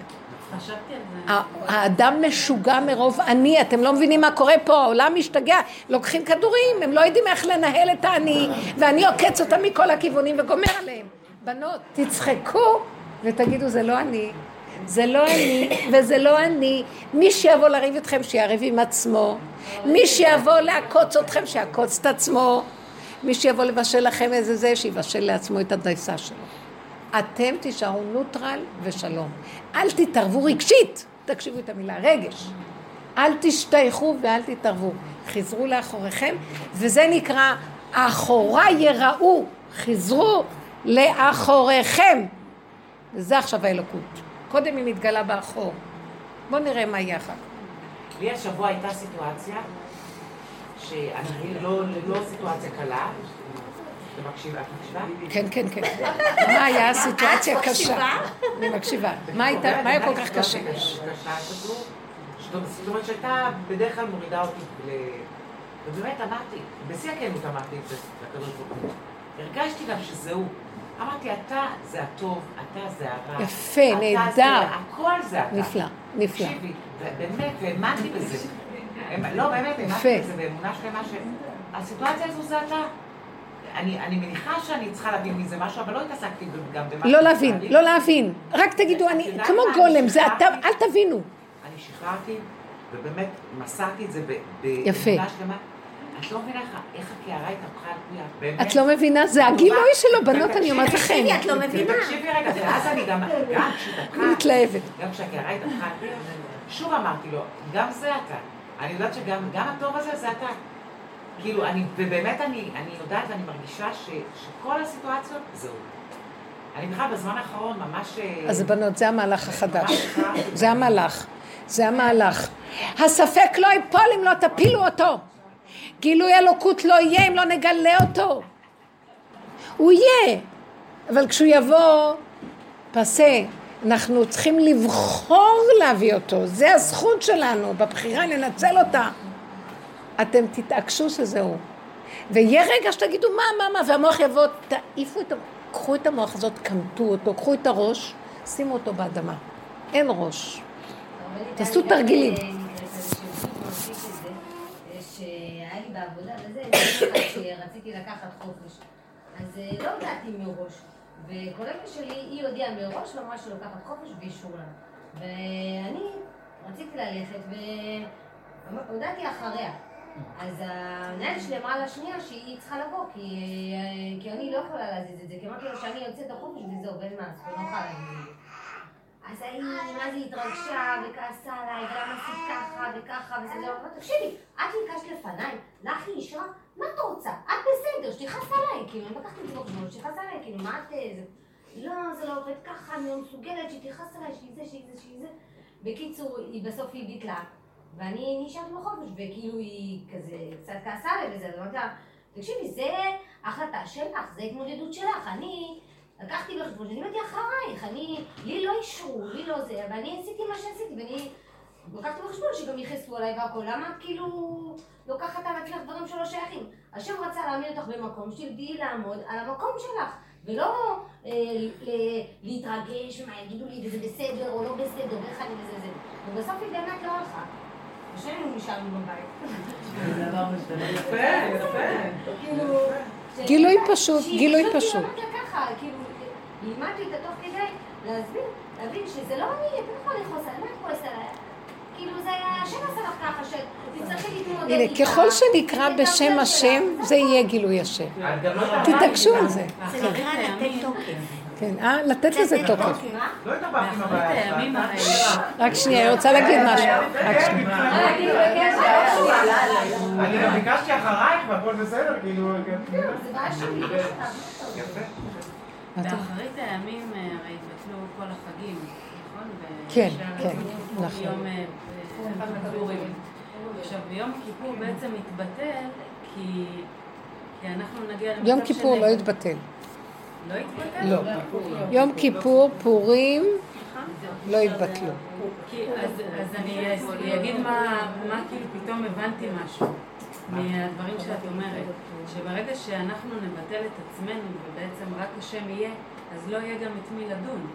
נכון. ראש השנה יתבטל, כי זה יום הדין. יום כיפור, כיפור הוא משהו אחר. כיפור זה לא יהיה ברמה של עכשיו, זה הרמה של אה, קורבנות. זה תמיד העולם יישאר, וצריך לתת נקודה כדי לעבור, לשדרג את האור מהאור הזה לאור הבא. תמיד צריך לתת איזה נקודה. טרנספורמציה היא צריכה איזה חיכוך, העלאת אש ושינוי. חיכוך, העלאת אש ושינוי. מדרגה לדרגה זה כל החוק הזה עובד. פה זה. מגושם, פה זה קשה, פה זה סבל, זה קורבנות, זה, זה איסורים, זה זה, שמה זה לא, אבל זה תמיד אותו חוק. לכן יום הכיפורים עבודתו הוא שצריך לתת משהו על מנת לעורר את ה... זה טרנספורמציה של האור. אז לכן זה נקרא מתעורר י"ג מידות הרחמים, כשאתה עושה את הטרנספורמציה מתעורר אור אחר. לכן החוק הזה לא משתנה, כי כל העולמות בנויים על החוק הזה. אבל לא כולם הרי ישרדו את אחרית הימים. לא, לא, לא כולם יצליחו לעבור באור הזה ומי שלא בדרך, יצליח לעבור חוץ ממך וממני. אחד שאומר את זה, הוא כל כך בטוח שלא כולם, אבל אני כן, כל היום יש לנו איזו תחושה שאנחנו... גם אדם בן 90, אדם בן 90 מדבר על החברו ש... למה אני יודעת מה שאני, עזבי מה? אומרים. אבל מה זה אבל משנה, אם ה- לא נעבור, אז לא, כאילו, לא נהיה גם ככה. יום כיפור יכול להיות כל רגע. יום כיפור זה המקום הזה של זה- השדרוג, של הפגם לאור, כי יתרון האור הבא מן החושך. תני לי, חושך, אני אדרון. עכשיו חושך, אתם יודעים מה כתוב? שהכתר הוא חושך לגבי ארי חנפין. והכתר זה האור הכי גדול. אז הכל דרגות של, בעולם היחסי, שזה לגבי זה, לגבי זה, תמיד זה מה שלמטה הוא פחות מזה שלמעלה, אז זה תמיד, אבל הכתר הוא הכי בשביל האדם שבעולם. בשביל העולמות העליונים הכתר הוא חשוך לעומת עולמות שאחרים. זה עניין של נידונים בערכים, מה שנקרא, הכל בדרגות של יחסיות. אז תמיד יישאר הקטע הזה של היחסיות, כי זה אין סוף עולמות. זה הכלל. אז מה רצית לשאול? לא. אה, זה- שבסוף יתבטל, כן. העניין של, אני אגיד לכם מה זה נקרא, התבטלו המועדות, התבטלו המצוות, התבטלו הקורבנות, יישאר רק שבת ויום הכיפורים, ופורים, יישאר קורבן תודה, ויישארו ששת ימי השבוע שהם הבסיס של הבריאה. ואז הגאון מווילנה, הסברתי לכם פעם איך הוא מסדר את כל המועדות בתוך השישה ימים. הוא אומר, הלוא יש רק שישה ימים, איך נהיה פתאום יותר משישה ימים? שמיני עצרת. איך נהיה שמונה ימים כשיש רק שבעה ימים כולו? אז הוא אומר, הכל יחזור להיות זה, שכל דבר יהיה צמצום אחר צמצום ביסוד שלו. יום ראשון יהיה פסח. הוא, יכ... הוא יכיל שבעה ימים. שבע מצבים הוא יכיל. הצמצום, השבע הופך להיות טיק טיק טיק טיק טיק, נקודה. טיק טיק טיק טיק טיק, נקודה. אז יום ראשון יהיה, אה, כי הוא ראשון לכם לחודשי השנה. יום שני זה ראש השנה. יום שלישי זה מתן תורה. יום רביעי, שבו נתלו המאורות, זה ראש חודש, שהוא נחשב למועד קטן. יום חמישי זה סוכות, שזה האורות המקיפים, שזה הים וכל ה... אה, יום, אה, וגם העופות נבראו בו, שזה הכנפיים וזה האורות המקיפים. יום שישי זה החיות, שזה שמיני עצרת, ויום שבת זה שבת, וזה כיפורים נכלל בשבת, שבת שבתון. אז זה מה שיישאר, זאת אומרת, היסודות, הכל יחזור לצמצום אחר זה, לא תהיה שנה, יהיה רק שבוע, וכל שבוע יחזור להיות רק יום אחד, וכל יום יהיה, הכל קצר, צמצום, והרה ויולדת, אישה צריכה לעבור, אישה תהיה בהיריון, אישה תהיה בהיריון ותלד, הרה ויולדת יחדיו. הכל, הזמן, גם עכשיו אנחנו מרגישים שהזמן, את לא יודעת איך השבוע נעלם לך, בשניות. לא מרגישים תחושת הזמן. איך היא נכנסה להיריון ופתאום היא צריכה ללדת. כל מיני דברים שקורים שהתחושה שלה... כי התודעה הולכת ומצטמצמת. זה הכל רק בדמיון המוח שיש יש רחבות של עץ הדת, אז יש כאילו זמן. והזמן הופך להיות כאן ועכשיו. הרגע, אני מרגישה יותר ויותר שיש לי רק רגע, ורק רגע, ורק רגע, ואין לי יותר. עכשיו, היא מרגיזה אותי, אני אומרת, והתבוננת על מקומו ואיננו. אין אף אחד, אין דמויות. אין דמויות בדמויות. אין מקום במקומות. יש איפה שאני כאן עומדת. ואין זמן בזמנים, יש, אין שנה, אין חודש, אין יום, יש גם לא שעה, יש נשימה, רגע. זה הכל הופך להיות מה שחז"ל כינו את זה עשן. עולם, שנה ונפש. בנפש אין דמויות, יש רק אני, אין נשימה. בזמן אין שנה וחודש, אז יש רק רגע. במקום אין עולם, יש כאן ועכשיו.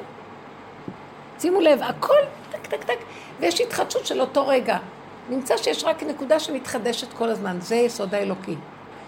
עולם האצילות הוא התחדשות גמורה, ואין עבר, אין עתיד, אין כלום, כל הזמן עוז וחדווה במקומו. מאוד קשה להרגיש את ההתחדשות הזאת. בואי תסבירי לי למה, בוא נעבוד על זה, אנחנו צריכים לעבוד. נורא כן. משעמם לי, נגיד, עם הילדים. נורא משעמם לי. כאילו, כמה אפשר כבר 12 שנה לקרוא אה, את מיץ פטש? זה נורא מצויר, נורא מכוער. מה? לא, מי שם לב לזה? שזה נורא מכוער. שמה נכון? לא משנה, סיפור, אותם סיפור ילדים, אותם עוגה עוגה, אותם זה, אני לא... תקשיבי, למה את חייבת להיות איתם? אני מציעה לכם, בואו נחזור לפרקטיקה. בואו נחזור לפרקטיקה של המצב. רבים, ואי אפשר... בואי. בואי, בואי, אני חייבת לעזור לכם ולכולם, וגם אני עובדת עם זה.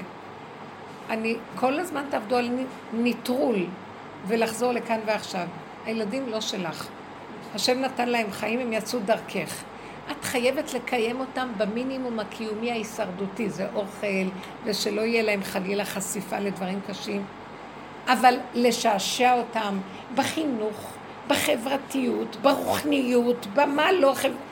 תפסיקו, תחשבו על עצמכם. שבו על הכורסה, תהנו מספר, והילדים יצעקו בהתחלה, למה הם צועקים והם ישגעו אותך? כי הם רגילים לשגע אותנו, כי עשינו אותם מרכז העולם, טיפשים שכמונו. עשינו אותם, הרגה התרבות הזאת את המציאות של האמת. והם, התרבות, משתחווים לילדים דפוקים, והם משתוללים עלינו, והם משתלטים עלינו, אין שכל בעולם. הטיפש שולט על החכם, ואין הדעת סובלתו. ועכשיו אנחנו צריכים לעשות שריר חזק אחורה. לא מעניין אותי, תצעקו, תריבו, את יודעת שהם אכלו, את יודעת שהם לא בפיקוח נפש, כל השאר לא קשור אליך, את צריכה לב חזק, שריר חזק, ולהגיד לא מעניין אותי, לא רוצה, ותגידי להם, לאט לאט לאט תגיעי למקום שהם יתחילו לטפל בעצמם, ישחקו עם עצמם, ויטפלו ויאכילו את עצמם, ויקחו לעצמם, תניחי להם אוכל, תניחי ירקות, פירות, אל תחביאו כלום בארונות, חבל, זו תרבות שהכל נקי והכל בארונות. תוציאו פירות על השולחן, אגוזים שקדים, קרקרים, אוכל, שיאכלו וילכו לישון. לא צריך ארוחות ערב, טיפשים שכמותכם. איזה כסילות זה להכין לילדים ארוחת ערב. מה רוצים לאכול? גם שואלים אותם. לא תצאי ראש מזה. מה שיש, יאכלו במבה, מספיק. פעם הבאתי ילד שלא אכל יומיים. אומר לי, אמרתי לרב אושר, הוא לא אכל. אומר לי, הוא אכל? הוא לא אכל, אז איך הוא חי? אומר לי, לא יודעת. ואז תזכרי מה שהוא אכל, הוא אומר לי, הוא אכל שתי במבות. הוא אכל, את רואה? השם ייכנס, ייתן ברכה בשתי הבמבות. אל תדאגי בכלל. הרבנית, בדיוק אה, בקטע הזה של ילדים, אני מאוד מזדהה עם זה. כי השבוע היה לי בדיוק סיטואציה כזאת וזה, שהייתי עם הבן שלי אצל אבא שלי, והבן שלי הגדול לא רצה לבוא, הלך לחבר. אמרתי לו, טוב, אתה לא בא, אתה אצל חבר. מה שאתה בוחר. הוא אמר, אני מעדיף להישאר אצל חבר. אמרתי, טוב, הלכנו. אז אבא שלי הביא לבן שלי, השני, הביא לו 20 שקל. עכשיו נסענו באוטו, אמרתי לו, תקשיב, אל תגיד לאח שלך הגדול שקיבלת 20 שקל, אלא מה, אתה יודע, הברכה שורה על הסרום מנין, הוא סתם יקנא, אבל לא כדאי לו. קיצור, ודווקא זה איך הולך, נכנס- יודע? איכשהו נכנסנו, הוא אמר, לא, עוד לא הספקתי עכשיו באוטו, אני אומרת להם תמיד אם ילד אחד נרדם, עדיף שתירדמו, תבוא עליכם ברכה, מי שרוצה, ישר מהזה, מהאוטו למיטה, פחות אחד יותר נחמד, מחר בבוקר מחליפה להם את ה... את הצד השני, ואתם נראים אותו דבר, רק ילד אחד. איזה הישרדות. איזה מלחמת הישרדות זוועתית. טיפשים. שילכו לפיג'מות עם פיג'מות לחיידר. פחות אחד יותר נחמד, וזה, איך עוד לא מספיקה, כאילו זה, לא מספיקה להיכנס, להוציא את הדברים מהאוטו, אה, יא קנאי, יא זה, יא זה. הוא מתקשר לאבא שלי הגדול עם הטלפון, למה הבאת לו 20 שקל גלילו? אז אבא שלי, מה יגיד לו? תעשה איתו חצי. אז הוא, לא, אבל זה שלי, אני רציתי לקנות בזה פלייט, אני רציתי זה. אמרתי לו, טוב, זה בעיה שלכם, תתמודדו, מה, אני לא מתערבת. קיצור, הוא מתחיל ללכת מקום. אמרתי לי, לא, הוא אמר לי, אמרתי, לא, הוא אמר לי. הבת שלי השנייה, זה היה מגדל קלפים, אחד נופל אחרי השני. הבת שלי השנייה יושבת בזה, סתם מסכנה, ונוגעת בטלפון שלה הגדול. ההוא בא מעצבים, טק, הביא לה ככה, אמא לך למכות. ההוא שלקחו את הכסף, חיות, גן חיות. שלקחו את הכסף, התעצבן, למה כבר מושקע 50 אחוז בזה, היה שם צעצוע, הצעצוע של- הבן השלישי של זה, הוא בא, העיף לו את זה על הרצפה, זה נשבר, אז גם הוא התחיל לבכות. קיצור, הגעתי למצב, אני בינתיים ארבע בוכים. ואז... ארבע מתוך? ארבע מתוך חמש. ואז החמישי התעוררה. טוב, אני במצב הזה לקחתם את הכסף, אין כסף, תתפוצצו, שהחזק ינצח ושלום. אמרתי לישון. ואז אחרי שהם הבינו שלאף אחד לא נשאר כלום, אז הם התחילו, מה, שברת לו את הצעצוע, הוא שבר לו יוסף את הצעצוע, אמרתי לו, מה זה, אני, עשית לו נזק וזה. לא, התחיל לתקן לו, התחיל לתקן לו עם סלוטר, לא, בוא קח את ההליקופטר. תקשיבו. את מעורבת מדי, את לא אותי. תעזבי אותי כבר. מה את רוצה להגיד? מה לספר לנו מה את עושה? חצי, חצ... שלושת רבעי ממה שסיפרת עכשיו זה בזבוז זמן לגמרי. למה? זה- בשביל מה את צריכה להגיד לו, להגיד לך, להגיד לו, הוא עשה, לא עשה? תעזבו את הילדים, אתם משוגעים. איבדתם את החיים דרכם.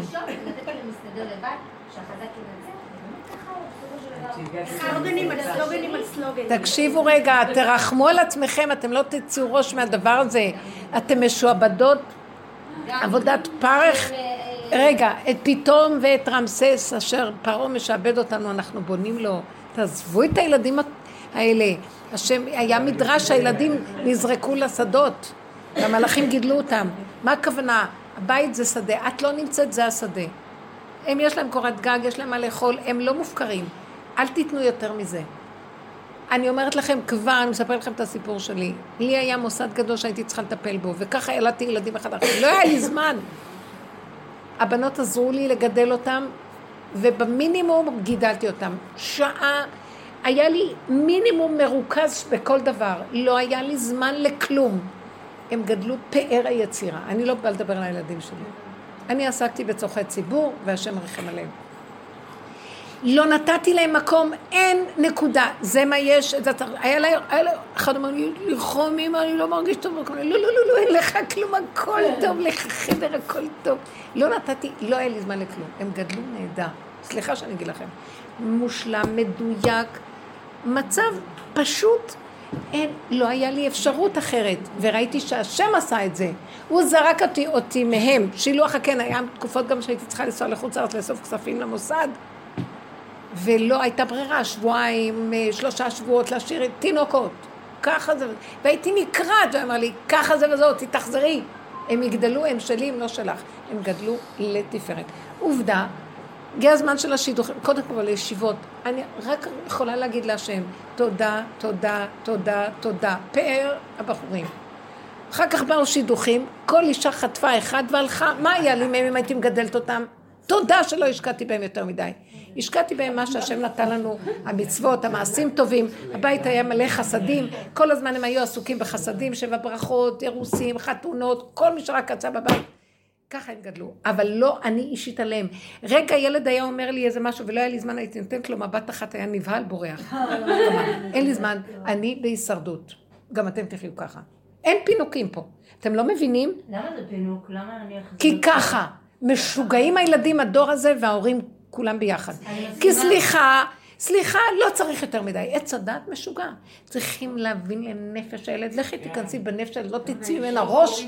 תיכנסי בתיבת פנדורה הזאת, הלכת לאיבוד.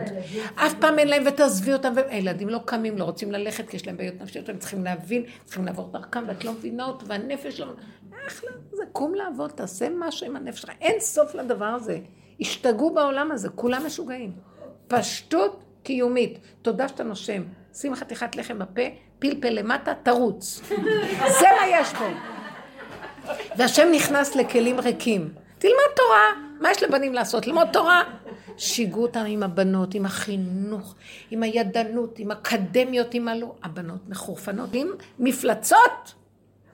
אין מקום להשם ככה לדרוך פה. כי אני ואני ואני ואני. והן סובלות, והם, הנה, מלא, כל הבתים מלא בנות רווקות ובנים רווקים.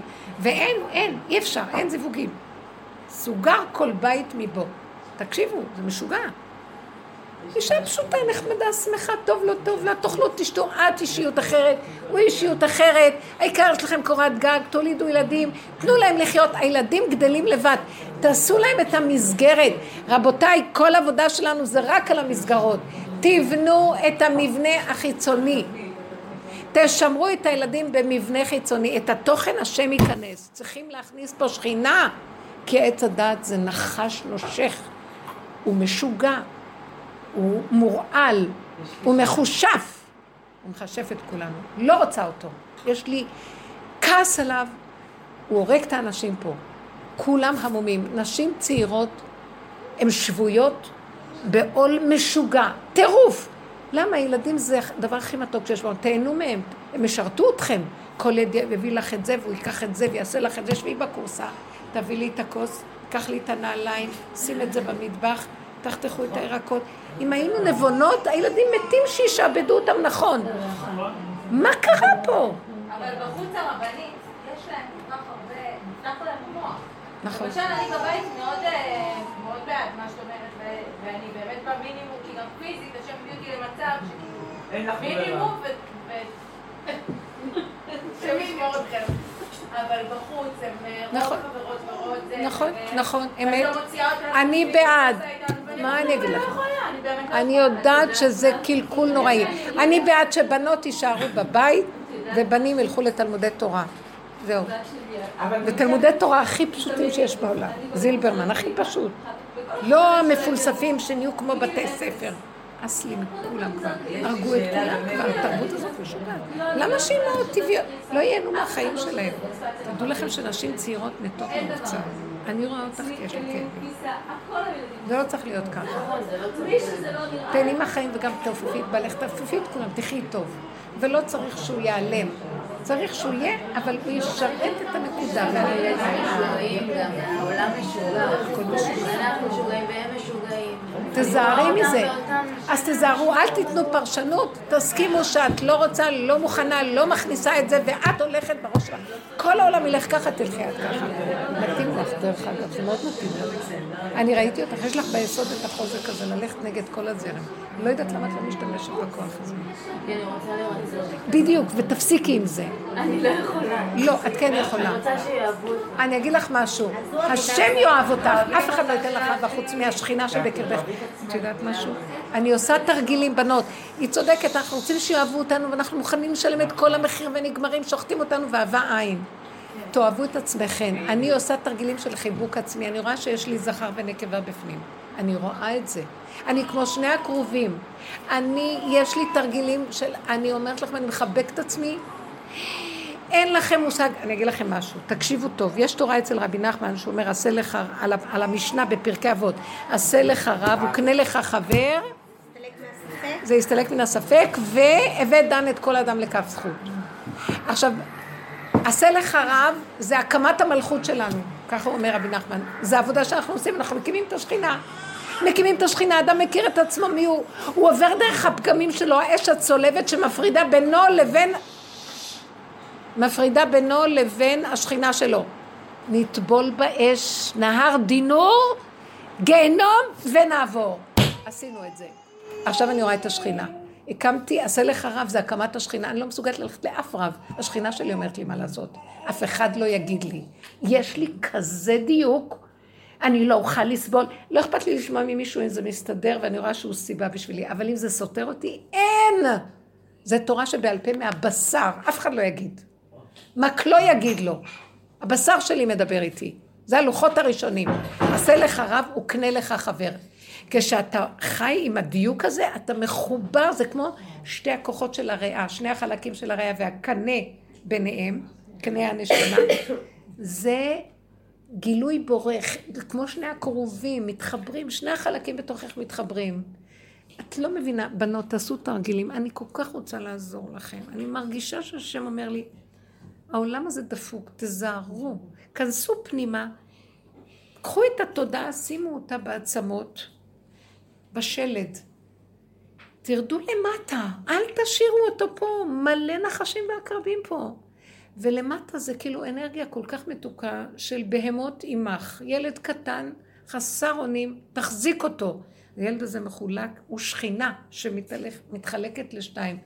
שתי האונות של הריאה, שני הקרובים, זכר ונקבה, וזה בתוך האדם. איזה מתיקות, איזה שלווה, איזה רגיעות. כשאני מתכנסת פנימה, חבל בכלל לצאת החוצה לעולם, אבל אין ברירה, אנחנו בעולם. אבל זה כזה מתוק, וכל העבודה שלי זה איך להביא את זה לעולם ולהישאר את המתיקות, זה לא קל. לכן משה רבנו היה מתבודד, לקח את האוהל שלו ושם את זה מחוץ למחנה, כי בתוך המחנה היה הרבה בלבול וכעס, והוא לא יכול היה להתרכז בשכינה ובזיווג עם השכינה הפנימית שלו. אין זיווגים יותר גדולים מזה, אין זיווג יותר מאשר אדם עם עצמו. כל זיווגים שבעולם לא ישבו לה. הזיווג החיצוני שלנו בעולם הזה בגוף הוא רק הדמיה כדי לעורר את הזיווג הפנימי. כי צריך מבחוץ, כמו ילד שאת מראה לו שני בדידים של, מתמ... של חשבון, אחד ועוד אחד, אז הוא מתחיל להפנים במופשט מה זה אחד ועוד אחד. אז הוא צריך את שני גפורים. אבל באמת באמת, היותר גבוה זה בפנים. המחשה פנימית של מתיקות, של ערבות. וכשטוב לך עם עצמך, גל של רחמים עובר לך לכל הסובב, לבעלך, לילדים, לכולם. ואז יש חיבור פשוט, אבל אין כמו החיבור הפנימי. זה בלי מילים, זה אין התנגדות. זה אין מלחמה שם, נמאס מהמאבקים והמלחמות, הוא תמיד יהיה משהו אחר מה שאת. אין שני בני אדם אותו דבר. את עם עצמך זה זיווג מושלם, זה השכינה וקודשא בריחו, בתוכך. אז אני רואה שזה הכל באחדות בתוך הנפש, כנסו פנימה, אל תיתנו לתרבות להרוג אותנו, אנחנו, זה, אנחנו מתים פה. כנסו פנימה, וכשאתם מרוכזות בתוך הנקודה, זה נותן כוח לעמוד מולה בחוץ. קצת שערה שאני מתחיל להיות לי, אני ישר אומרת, או-או, את עזבת את המיקוד ואת היסוד שהמוט הזה, החוזק הזה, המטה, שאת מחזיקה בפנים. אל תעזבי את זה, כי העולם יחריב אותך. זה מסוכן פה, אנשים חולים משתגעים. כי הם כבר הושפרצו החוצה לגמרי, תזהרו. הילדים יגדלו, יהיה לך עזרה גדולה משמיים. השכינה תקים אותם. מה אתם רוצים מהילדים האלה? הם חיים לבד. רב אושר היה אומר, את חושבת שאת מאכילה אותם? את רק שמה להם חתיכת לחם בפה, והם גודלים וגודלים וגודלים ממנו. זה לא, זה לא מה שאת עושה. זה רק תנועה. תשאירו רק את התנועות. תחללו את ההרגשים והדמיונות. אה? אני אומרת שמבחינת ילדים, אנשים, זה לא יהיה לך אלוהים אחרים על פניי, זה בדיוק, כשאני מסתכלת על הילד ואני רוצה לעשות אותו, אז אצלי זה יהיה נכד, ואני אומרת, לא, הוא לא אלוהים. על פניי, כאילו, על, על, על, על השכינה. שלי. המשמעות שאנחנו כן. נותנים היא מוגזמת עץ הדעת זה עוזר לי ממש. אל. תריבו, לא עם הבעל, לא עם הילדים, לא עם אף אחד. ואם יצא לכם משהו, ישר תגידו, זה אבא, זה אתה, אל תדונו את עצמכם גם. תחזרו לשקט הפנימי. כן. אה, יש לי הרבה זמן התלבטות על החינוך של הבת שלי. אין חינוך, אין כלום, חבל על הזמן. יש חינוך עצמי. אין חינוך הילדים, יש חינוך עצמי, לא, נקודה. יש עניין במוסד שאני שמה אותה, שהוא חלק נכבד מהחיים שלנו. די, את חוזרת עוד פעם, את לא רוצה את לא רוצה את האמת, לא. מה האמת? שאין חינוך, תפסיקו לחנך. רק תחנכו את עצמכם להיות במתיקות, בערבות, וכל טיפת צער תגידו, אבא זה שלך, לא שלי. הנה הידיים והרגליים, אני אבל אם אקום. אני רואה שיש לה צער משהו שלא עובד בזה, אני לא אמורה לעזור לה לתת... לא, לא, לא, לא, לא, לא, לא, רק תגידי להשם, אני לא יכולה להיכנס בזה, כי אם אני אכנס, יטרפו אותי חיים. תעזור לי, לא להתערבב. אתה יכול להיכנס בשנייה, אני, אני ממליכה אותך להיכנס. אל תתפתו להיכנס. לפעמים הוא יכניס אותך בעל כורכך. לא, גם כשהוא מכניס מסוים. למה את צריכה להעביר אותה? המחשבות שלך רבות, יש לך הרבה מחשבות ואת מאמינה להן. להתראות. למה את צריכה להעביר אותה? מה אכפת לך? כי הרבה זמן לא טוב לה ולא טוב לה. לא טוב לה כי היא קולטת ממך. את לא מבינה שהילדים רוכבים עלינו. הם, הם שומעים שיש להם אוזן קשבת לכל שטות שעוברת עליהם. לא טוב לי, אני רוצה לעבור, אני רוצה לעבור, אני רוצה לעבור. אני אומרת להם, זה גם מקום שאני לא לא... בית ספר חב"ד שאני לא מתחברת שם לכל ההתנהלות באופן כללי, יש לי כזה... מה אכפת לך מה נעשה שם? היא הולכת וחוזרת. מה את רוצה? יש לך משהו יותר טוב. מה. מה, מה? דברים בסיסיים היא גם לא כל כך יודעת, וקשה להם, והכל כזה נורא. היא? כאילו גם דרך הלימוד כזאת, לא יודעת. יש לך משהו אחר שאת יכולה... יש הרבה דברים אחרים. יש לך עוד ילדים שם בבית ספר הזה? לא. אז תעביר אותה כמו שאת אה, עכשיו, במקום לאכול אה, לחם, את אוכלת אה, קרקר. מה את עושה עניין? בפשטות. למה? כן, בפשטות, וזהו. לגמרי. כי זה משהו שהוא נורא בשבילה, זה גם נורא הרי נורא לעזוב בית ספר וחברות, היא שום דבר. אז רגע, אני לא מבינה, אם לא טוב לה, אז למה קשה לה לעזוב? כי היא לא אוהבת להיפרד. אבל מה לא טוב לה שם? לא יודעת מה טוב, אבל לא יודעת, אבל כאילו זה... תפסיקי, הילדים יהרגו אותנו. רוח שטות נכנסת בהם ומשגעת אותנו, למה את מאמינה לה? אם את רואה להדיה, בדקת את התוכנית, ראית שהיא תוכנית לימודית טובה, לא. למה לא? לא טוב. היא לא יודעת לקרוא כמעט כמו שצריך. באיזה... גדלת.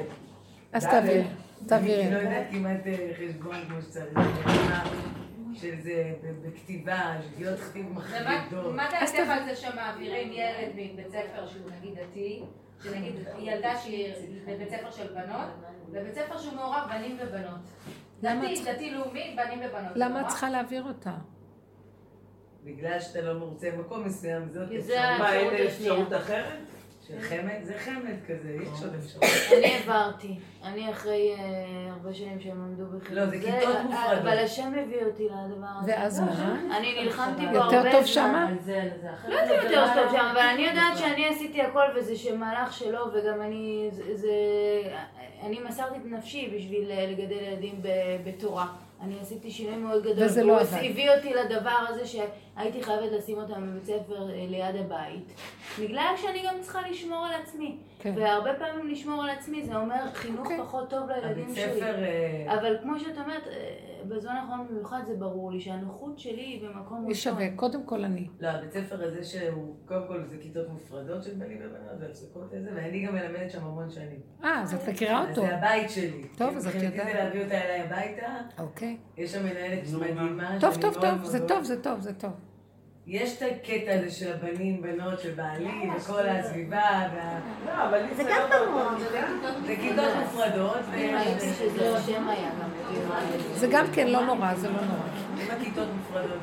נכון. לא לימוד... אה, הבית נותן הרבה כוח. אם הבית, האמא טוב ושמח ויש רגיעות ויש עבודה פנימית כזאת ויש שכינה, זה שהיא אז תעבדי את זה, נכון, זה שיקול טוב. שקודם כל האמא תהיה לה, יהיה לה חיות ושמחה. יש לי ילדה בת אה, שלוש בערך, אה, שהיא מגיל מאוד צעיר מאוד יודעת מה היא רוצה ללבוש ומה זה, מאוד מפריע לה כל מיני דברים צמודים וכאלה, והגיע החורף. וצריך להתלבש, והיא לא רוצה להתלבש, רוצה להישאר עם שמלה, ומקסימום סווסר. אה, מגפי גומי של אה, שלוליות, וכאילו כל בוקר נהיה מאבק כזה מה ללבוש, מה זה, אני כמובן לזה, מארגנת את כולם, כל האוכל, כל הבית, עד אליה, משאירה את זה לבעלי. ואז בעלי, וכאילו, אה, בעלי ניסה להתמודד, והגננת אמרה לו, זו גננת חדשה, אמרת לו, לא צריך, תביאו, תביאו את הגרביונים או את התיש, יפה, יפה, יפה. נסתדר." מצוין, מצוין. שבוע שעבר קיבלתי הצעה חוזרת. תביאו אותה מוכנה, כבר לא יכולים להתמודד איתה. מה הסיפור? שיהיה לה קר לא, אז זהו, אז אני הבנתי שבעצם השם כאילו, אה, מה זה השם? כאילו, המוח שלי ישר אומר לי, בבקשה, כי לי אני טיפוס שכל הזמן קר. אה, ביום שבת זה היה כאילו נהיה יותר קריר, ואז אה, בעלי רואה אותה איך שהיא לבושה, את יודעת, שמלה של שבת, קצרה עם סוואצ'ר ונעלי בובה בלי גרביונים, בלי כלום. היא לא יכולה שיהיה צמוד לה משהו, אני קונה לה מידה גדולה, לא- היא לא יכולה לסבול. היא לא יכולה לסבול. אז אולי יש לך הוא חום אומר לי, פנימי. "תתקר- היא- היא תהיה חולה. עכשיו, היא כבר נהייתה מצוננת. אני אומרת לו, המוח שלנו אומר לנו, לא לבושה טוב, אז היא תהיה חולה. אמרתי לו, אני לא מוכנה להיכנס לזה, אני לא יכולה לסבול את זה יותר. לא, אני חותכת את המהלך של כן, החשיבה כן, כן. הזאת. הקצר, היא תתקר... הנה היא מצוננת, הנה עכשיו זה, הנה זה. לא, לא. אמרתי לו, אנחנו חייבים לחתוך את המהלך הזה, זה לא ש... אין קשר, היא מצוננת, אין קשר רוצה עכשיו שתהיה מצוננת. זהו, אין קשר עכשיו בין מה שהיא. זהו. הוא אומר לי, טוב, אבל איפה ונשמרתם לנפשותיכם? אמרתי לו, שלכם, לצורככם. חמודה, יפה. קודם כל הנפש שלי. יפה מאוד. וזהו, עכשיו יש לה, נניח עכשיו, אה, יש לה שיעול כזה, שזה גורם לה קצת אה, כזה. ו- ואז הוא כזה, את יודעת, הוא נכנס ללחץ, אמרתי לו, אין קשר. עכשיו יש לה. לך, היא צריכה להקים, היא מציעה. אתמול בלילה היא מעירה אותי, אמרתי, אה, אמא, אני צריכה שאבא ייקח אותי להקים, כי הוא לוקח אותם להקים.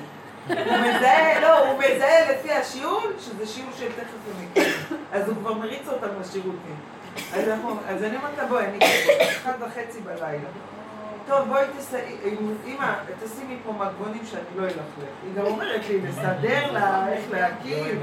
לא, היא היסטניסטית, אני יודעת, זה ילדים היסטניסטים, לא כן. יכולה צמוד, היא לא יכולה... מסדרת את המגבונים גם על הרצפה, גם על האסלה, שהיא תיגע במגבונים, גם בזה. אמא, לא יוצא לי. מנסה, מנסה, מנסה, לא יוצא לי. ופתאום אה, אמרתי לה, את יודעת מה, אפשר לשים בצל ליד הראש שלה.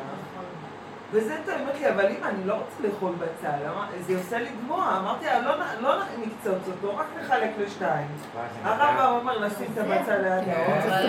רבע שעה, הפסיקה להשתעל. ישנתי, ישנה, אנחנו ישנו, הכל בסדר, לא, קמה כמו חדשה בבוקר.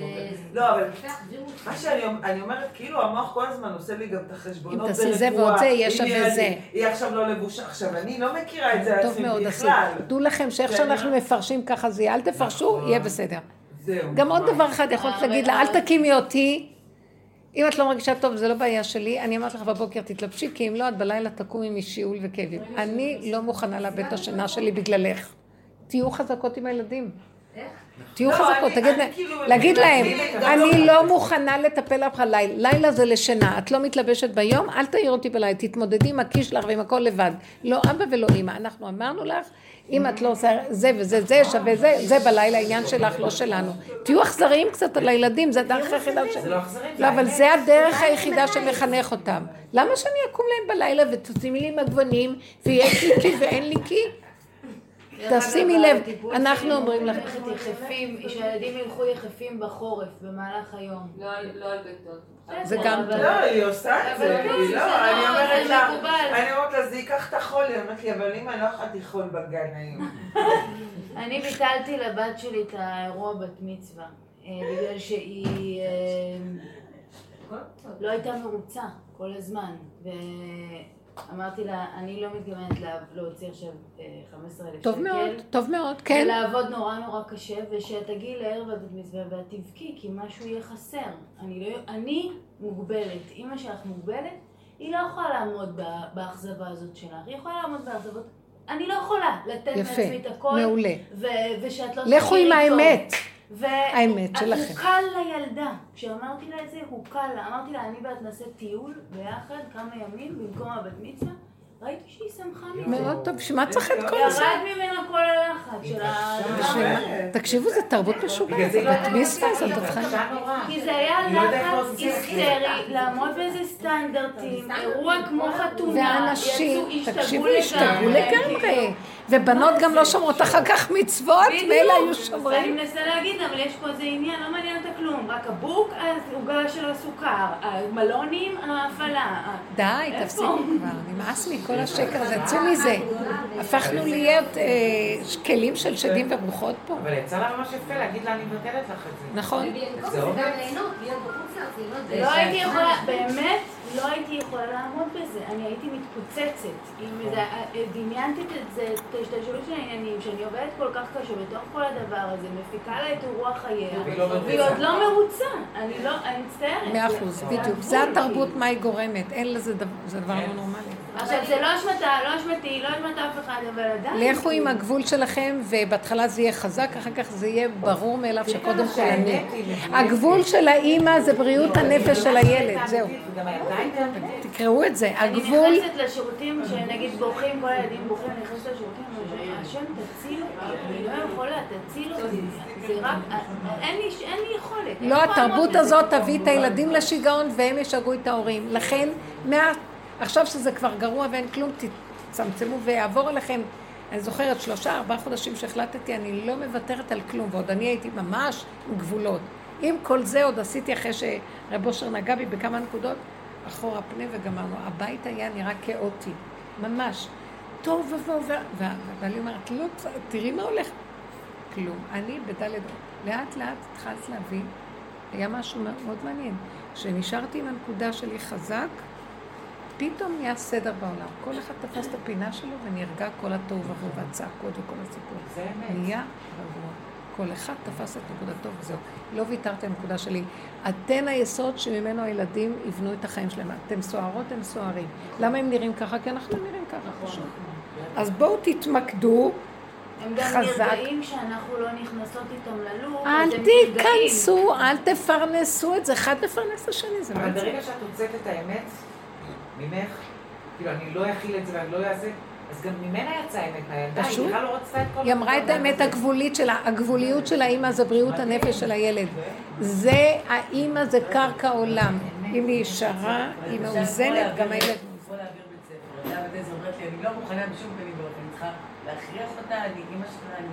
לא. לא הבנתי, נגיד להעביר בית ספר, אמרת לי, אז תעבירי, באמת זה ככה. והיא לא רוצה לבוא? היא פוחדת נורא מלשנות מקום. למה את צריכה בכוח האמת לא הבנתי, אולי טוב לה. לפעמים, לפעמים, לפעמים, לא אליי. אני אגיד לך משהו. השאלה אם אני צריכה לשכנע אותו או להכריח לא, לא. את לא צריכה, אולי יש לך איזו תחושה שאת רוצה להעביר אותה לאיפה שאת, כי נראה לך שזה יותר טוב. מצד אחד יכולה להתלונן, אבל העובדה שהיא לא רוצה לצאת, זה גם מראה. יכול להיות שאת יכולה לנסות לבדוק בהנהלה, שייתנו לה קצת עזרה לכל, לקידום, במה שהיא מפגרת בו יותר, זאת אומרת שחסר לה את ההתפתחות. חבל לעקור בן אדם ממקומו. היא רגילה לחברות, היא רגילה לזה, וזה גם בית ספר של בנות. אם אין לך איזו סיבה שהיא ממש רוצה ללכת, למה את מנדבת אותה לצאת? זה משהו שמתקורר. זה מרגישה שהיא לא מקבלת כלים. אז לכי תבקשי מבית הספר, יש להם... ביקשתי, יש שם בעיה קצת של דיבור, של ניהול, אין שם באמת הנהלה, זה משהו לא כל כך... אה, מה זאת אומרת אין הנהלה? זה בית ספר... כאילו דרך מאוד אה, זורמת כזאת. ממש יודעים, אפשר לעזור, אין- פיקוח, אין אה, משאבים הרבה, אין... אה, משהו כזה נורא... מה יש כן שהוא טוב בבית ספר הזה? מה יש? זה היה ליד הבית שלי, וזה עבר עכשיו גם להסעות של חצי שעה כל בוקר. אה, זה... חוץ מזה, יש שם משהו... רצינו מקום חסידי, לא רצינו, היום חוזרים בתשובה, יש את המוסדות החרדים של החוזרים בתשובה, שהם לא מתאימים לנו גם בשפה בכלל. בחסידות היה משהו שכאילו היה לנו יותר קל, הם גם היו בגנים של חב"ד, שהגנים של חב"ד זה משהו מאוד מחבק וחם, כן. לחוזרים בתשובה גם, מקבלים את כולם. היום אני כבר מרגישה שהם לא באמת מקבלים אותי, יש איזושהי התנשאות. כן. שגם הבנות שלנו לא מתחברות לשם, כן, כי כן. הן לא באמת מדברות את השפה שלהן, הן לא חב"דניקיות והן לא... והקשר בין המורה לילדה, אין, אין כאילו חיבור, לא יודע, את את את הדבק הזה שיש לך לפעמים מורה בגיל צעיר, הילדה שלי בכיתה ד', זה ח- יחסית אני זוכרת את עצמי שזה היה משהו, לא יודעת, כיף כזה, מתוק כזה, של ילדות כזה, ויש שם משהו... מתחבר לו, מפוספס. ההורים לא מדברים עם אף אחד. נוגע, לא נוגע. כאילו אף אחד לא את יודעת בקשר עם מה? אף אחד. מאחר ואת מלמדת בבית ספר ההוא, אולי תגידי לה, בואי לשבוע לניסיון רק. כאילו, קחי אותה כאילו היא יכולה עוד בבית. משהו, אני אגיד לך את מצד האמת, הבית ספר. אני גם סוג של כאילו ועד הורים ועמוד תווך בבית ספר הזה, ואני יודעת שאם אני הולכת, אני עושה... אה, ילדים אחרים למרות. שלכאורה יכול להיות- שהשם יפתיע אותי ואת אף אחד זה לא ירגש והעולם ימשיך כמנהגו, לי גם יש איזה לא נעים כזה שאני כאילו כמה בוגדת ב... כמה הרבה אלוהים לשרת. לא, זה מין... תפסו, כאילו, הרבה בנות באו בגללי, וכאילו, אם אני אלך אז זה ישפיע על הזה. אבל יש אלוהים, ריבונו של עולם, תחשבי יש אחר. זהו. נכון. תחשבי על עצמך וזהו. והרבה... הרבה צדקת. תסבך אותה. ובא לי הרבי, כאילו, אין והצד של הרבי, ואז אוהבים את הרבי, הכל דמיונות, זה הכל דמיונות. מה הרבי? מת הרבי, רוצים מהרבי? הרבי, הכל זה כבר גם כדמיון. הילדה צריכה להרגיש טוב שם. יכול להיות שהיא מרגישה טוב, אבל אולי התחושות שלך שאין לה רמה מספיק. צריך לנסות לבדוק אם אפשר להרים קצת, שיהיה להם מה שהם נתנו לה. שנה אחת מאור, שזה עזרה בקריאה, שזה קידם אותה יחסית, אבל עכשיו היה צריך מבחינת משאבים לתת לבנות שהיו... כי יש שם איזה עניין שאין, אין, אה, יש, כאילו אין שיטת לימוד, אין אה, יסודות כאלה, זה מין לימוד כזה, כל אחד עושה איזשהו, לא יודעת להסביר, אני זוכרת, תקשיבי, זה דברים נורא פשוטים. יש בסיס של... אבל המנהלת נורא נעלבת שאני פונה אליה. למי אכפת? לא, היא לא עושה את זה, היא מרגישה שאני סוג של משהו שמאיים עליה הרבה פעמים כשאני... גם השטחנית נעלבה. אין, אין כאילו חיבור של בואו נעבוד ביחד. כן? איזה טרור לא, זה גם זה בית עושה. ספר אבל נכון מאוד שאת היית מראה לשטחנית. זה בית ספר של 100 בנות, 100 את משכנעת אותנו שאישה שם? זה מה שמוזר. אולי כאילו נורא. יותר מדי נכנסת שם עם חשבונאות. לא חשבונות, לא, אין לי שום כלום. אז תוציא אותה וזהו. את האימא ואל תשגיחי עליה כלום. ענת, יש לה. בעיה להחליט דברים. כן. זה לא, זה משהו שהוא גם החלטה שבאמת לעקור ילדה ממקום. אז קחי אותה, קחי אותה כאילו חס ושלום חלילה היא יכולה לאיזה שבוע שבועיים, היא בבית, ושימי אותה שם ותראי אם טוב. לה. מה שאת אומרת, איך שאת מסבירה את זה, לבין מצב שאתה אז תעשי. כשעושים הרבה עבודה כזאת, ואנחנו רודפים אחרי הפגם כל הזמן, אחרי הבהמות, אז אדם יודע מתי שזה נגמר. הוא יודע שזה נגמר, הוא יודע שהוא מת. איזה טענה יכולה לבוא על מת, שמכריחים אותו ליפול לתוך האש? הוא מת, שישרפו אותו וגמרנו. הוא לא עושה את זה כדי... הוא לא עושה את זה, אני אומרת לך, זה היה לא נורמלי איך שהובילו אותי לתוך הסיפור. תחושה מאוד מוזרה של אין לי כוח בכלל לדון את עצמי בכלל. אין, אין כבר את התחושה הזאת של תדוני, אבל צריך. הרבה לעבוד על הדין הזה. אני אומרת לכם שאם עוברים אחרי הנקודות החדשות, אתם יכולות לדלג על. על מהלכים וכבר תיכנסו פנימה, כי אין זמן. משיח צריך להתגלות. זה הדרך שלו להתגלות, אבל דרכנו. שאלה להתגלות. קטנה. כן. הבן שלי, יש לי ילד בן חמש וחצי, שהתפתח לו אה, משנה לשנה, הוא, בגן הוא מאוד מופנם, אה, והשנה הוא פשוט לא מדבר בכלל בגן. כלום, גם אני, כשאני נכנסת איתו לגן, בגן הוא לא מדבר. נתנו לזה כותרת פסיכולוגית, קוראים לזה אימוץ סלקטיבית, כאילו הוא, הוא בוחר מתי לדבר ומתי לא. בחרו את הילד אחר, יכול להיות כל היום על הראש, הפוך, משתולל, מדבר, צוחק, בגן הוא שתקן. עכשיו, אה, בעצם פנו אליי בקטע של הוא צריך לעלות לכיתה א', לתלמוד תורה, הוא צריך לשתף, הוא צריך לדבר, והוא כלום, הוא עושה הכל בגן, אבל הוא לא מדבר. כלום, לא מדבר מילה. גם לא עם חברים. כלום, חברים שיש לו בגן? לא מדבר איתם מה? בגן. הוא אומר שהוא מתבייש. זה מה שהוא אומר. הוא אומר לי, לא שמעת שאני לא מדבר בגן בכלל? עכשיו הוא כבר. עם הוא כן, עם מי הוא כן מדבר? הוא מדבר- רק מחוץ לגן. בבית הוא מדבר עם הילדים? מדבר הכל וזה. הכל רגיל. כן, הם כאילו דואגים שכשהוא יהיה במסגרת של תלמוד תורה, שצריך ללמוד וצריך זה וצריך זה, אז זה יפגע בו, גם חברתית זה יפגע בו. עכשיו זה התחיל לחלחל לי. ואני מרגישה בפנימיות שלי, מה שהוא אומר לי, מאוד דוחפים אותי לטפל טיפול אישי, טיפול זה, טיפול זה, משהו בפנימיות שלי לא שלם זה, לא רוצה לקחת אותו לשום מקום, כאילו... אני, עכשיו, אני לא יודעת אם אני בורחת מהתמודדות, או שבאמת... תקשיבי, תקשיבי, תקשיבי לקול הזה וגמרנו. אני חושבת שבמצבים האלה הזמן עושה את שלו, ואין להם סבלנות במערכות היום. הזמן הוא אפקט מאוד מאוד חשוב בהתפתחות. אז אה, זה לא היה לו את זה פעם, נכון? הוא היה תמיד מופנם ושקט, אבל כאילו זה, הלך והחמיר, ואז העירו את תשומת ליבי שזה לא נורמלי, לא בגבול הנורמל. ממש חברים שיש לו בגן, גם שמים חותמת ויאללה. הוא מדבר איתם. והכל וצוחק, מגיעים לשער, הוא מגיעים מדבר לשער איתם. בגן, הוא כאילו לא שומע, לא, הוא מתעלם. הוא החליט, הוא החליט. שאלת והוא אותו, אמר לאחותו, השבוע, השבוע שעבר אמר לאחותו, סתם זרקה לו, אבל למה אתה לא מדבר? מה הקטע? תראה איך אתה משתולל, למה אתה לא מדבר בגן? אז הוא אומר לה, לא מבינה שזה השם עושה לי את זה? איזה מותק. לא, זה השם עושה לי את זה. איזה לא אני." מתוק. הוא אומר לי, אני מתבייש. אז אני מנסה להגיד, כאילו, מה יש להתבייש? והמוח שלי כבר אמרו, אולי אמרו לו משהו, אולי יש לו ואני ישר סוגרת, סוגרת, לא טראומות, לא אמרו לו, לא כלום, הכל בסדר. זה- אני לא יודעת אם אני מדחיקה, או שזה באמת כל לא, לא, אני אגיד לך משהו. מה, בוא נצייר ציור, שהוא ילך לאיזה טיפול. למה את לא יכולה לטפל בו את הטיפול הזה? אני לא יודעת מה צריך לעשות. אולי לא צריך טיפול, אני אגיד לך מה צריך פשוט. לעשות, זה הטיפול הפשוט, מה שהם עושים. תפעילי את אותו, כאילו שהוא, כאילו שאת הגננת, והוא נמצא עכשיו עם האחים שלו, והוא מדבר איתם, זה, זה לא חשוב באיזה מסגרת שהוא יהיה. יש לו צורך לדבר, יש לו צורך להגיב כמו לאחיו שלו שהוא משחק איתם. זו אותה תגובה כמו שחבר בגן אומר לו. ש... כמו שאחותו אמרה לו, מאוד יפה הוא אמר לה. והיא אמרה לו, הנה עכשיו אתה מדבר עם כולם, למה אתה לא מדבר עם החברים בגן? אז הוא אמר, משהו בא ונועל אותי, זה השם נועל אותי, נכון?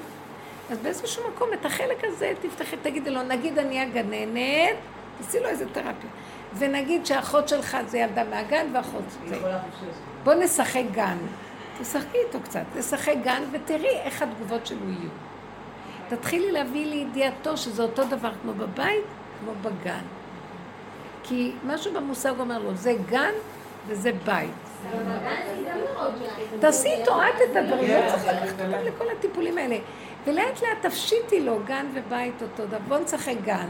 אני אהיה גננת, נשמע ויהיה שילד זה... מאוד חכם, אה? נראה לי שאם תהיה התעסקות הוא רק ינהל יותר. לא, לא. אני חושבת שפשוט צריך להניח לזה. לשחרר, לשחרר. לא, אבל גם יש משהו, יש, יש משהו שתנסי קצת לעשות מה שהיא תעשה. אל תעשי עניינים. במסגרת הבית תנסי לתרגל קצת. שיהיה לה יכולת הכלה של מצב חדש. אז תשחקי את המצב החדש. תעשי הפעלה של מצב חדש בבית. כאילו, גן. בוא, בוא נראה איך הוא יגיב. ולאט לאט זה לא יהיה בעיה כזו קשה. ותדעי שהזמן גם עושה את שלו. יש הרבה שחרור. הוא. אני אשם, משהו. זה קשה כי יש חרדה בגלל, אנחנו גידלנו אבל איך. אנחנו גידלנו שהמסגרות ילדים? מפגינים לך שמה את צריכה לעשות, מפעילים לא לך. היו כל כך הרבה חותמות וסטיגמות, לא היה, לא היה. מסכן הדור הזה. אני הם אני בנפלות. מרחמת על האימהות הצעירות. ממש באפלות. אני מאוד מרחמת על האימהות הצעירות. הדור הזה לא ישאיר לכם שריד תזהרו מזה. תזהרו. היא נבהלת ממנה. תזהרו מזה, לא אמות כי אחיה, תחיו, תשנאו, אל תשימו לב לילדים, הכל טוב, הכל בסדר.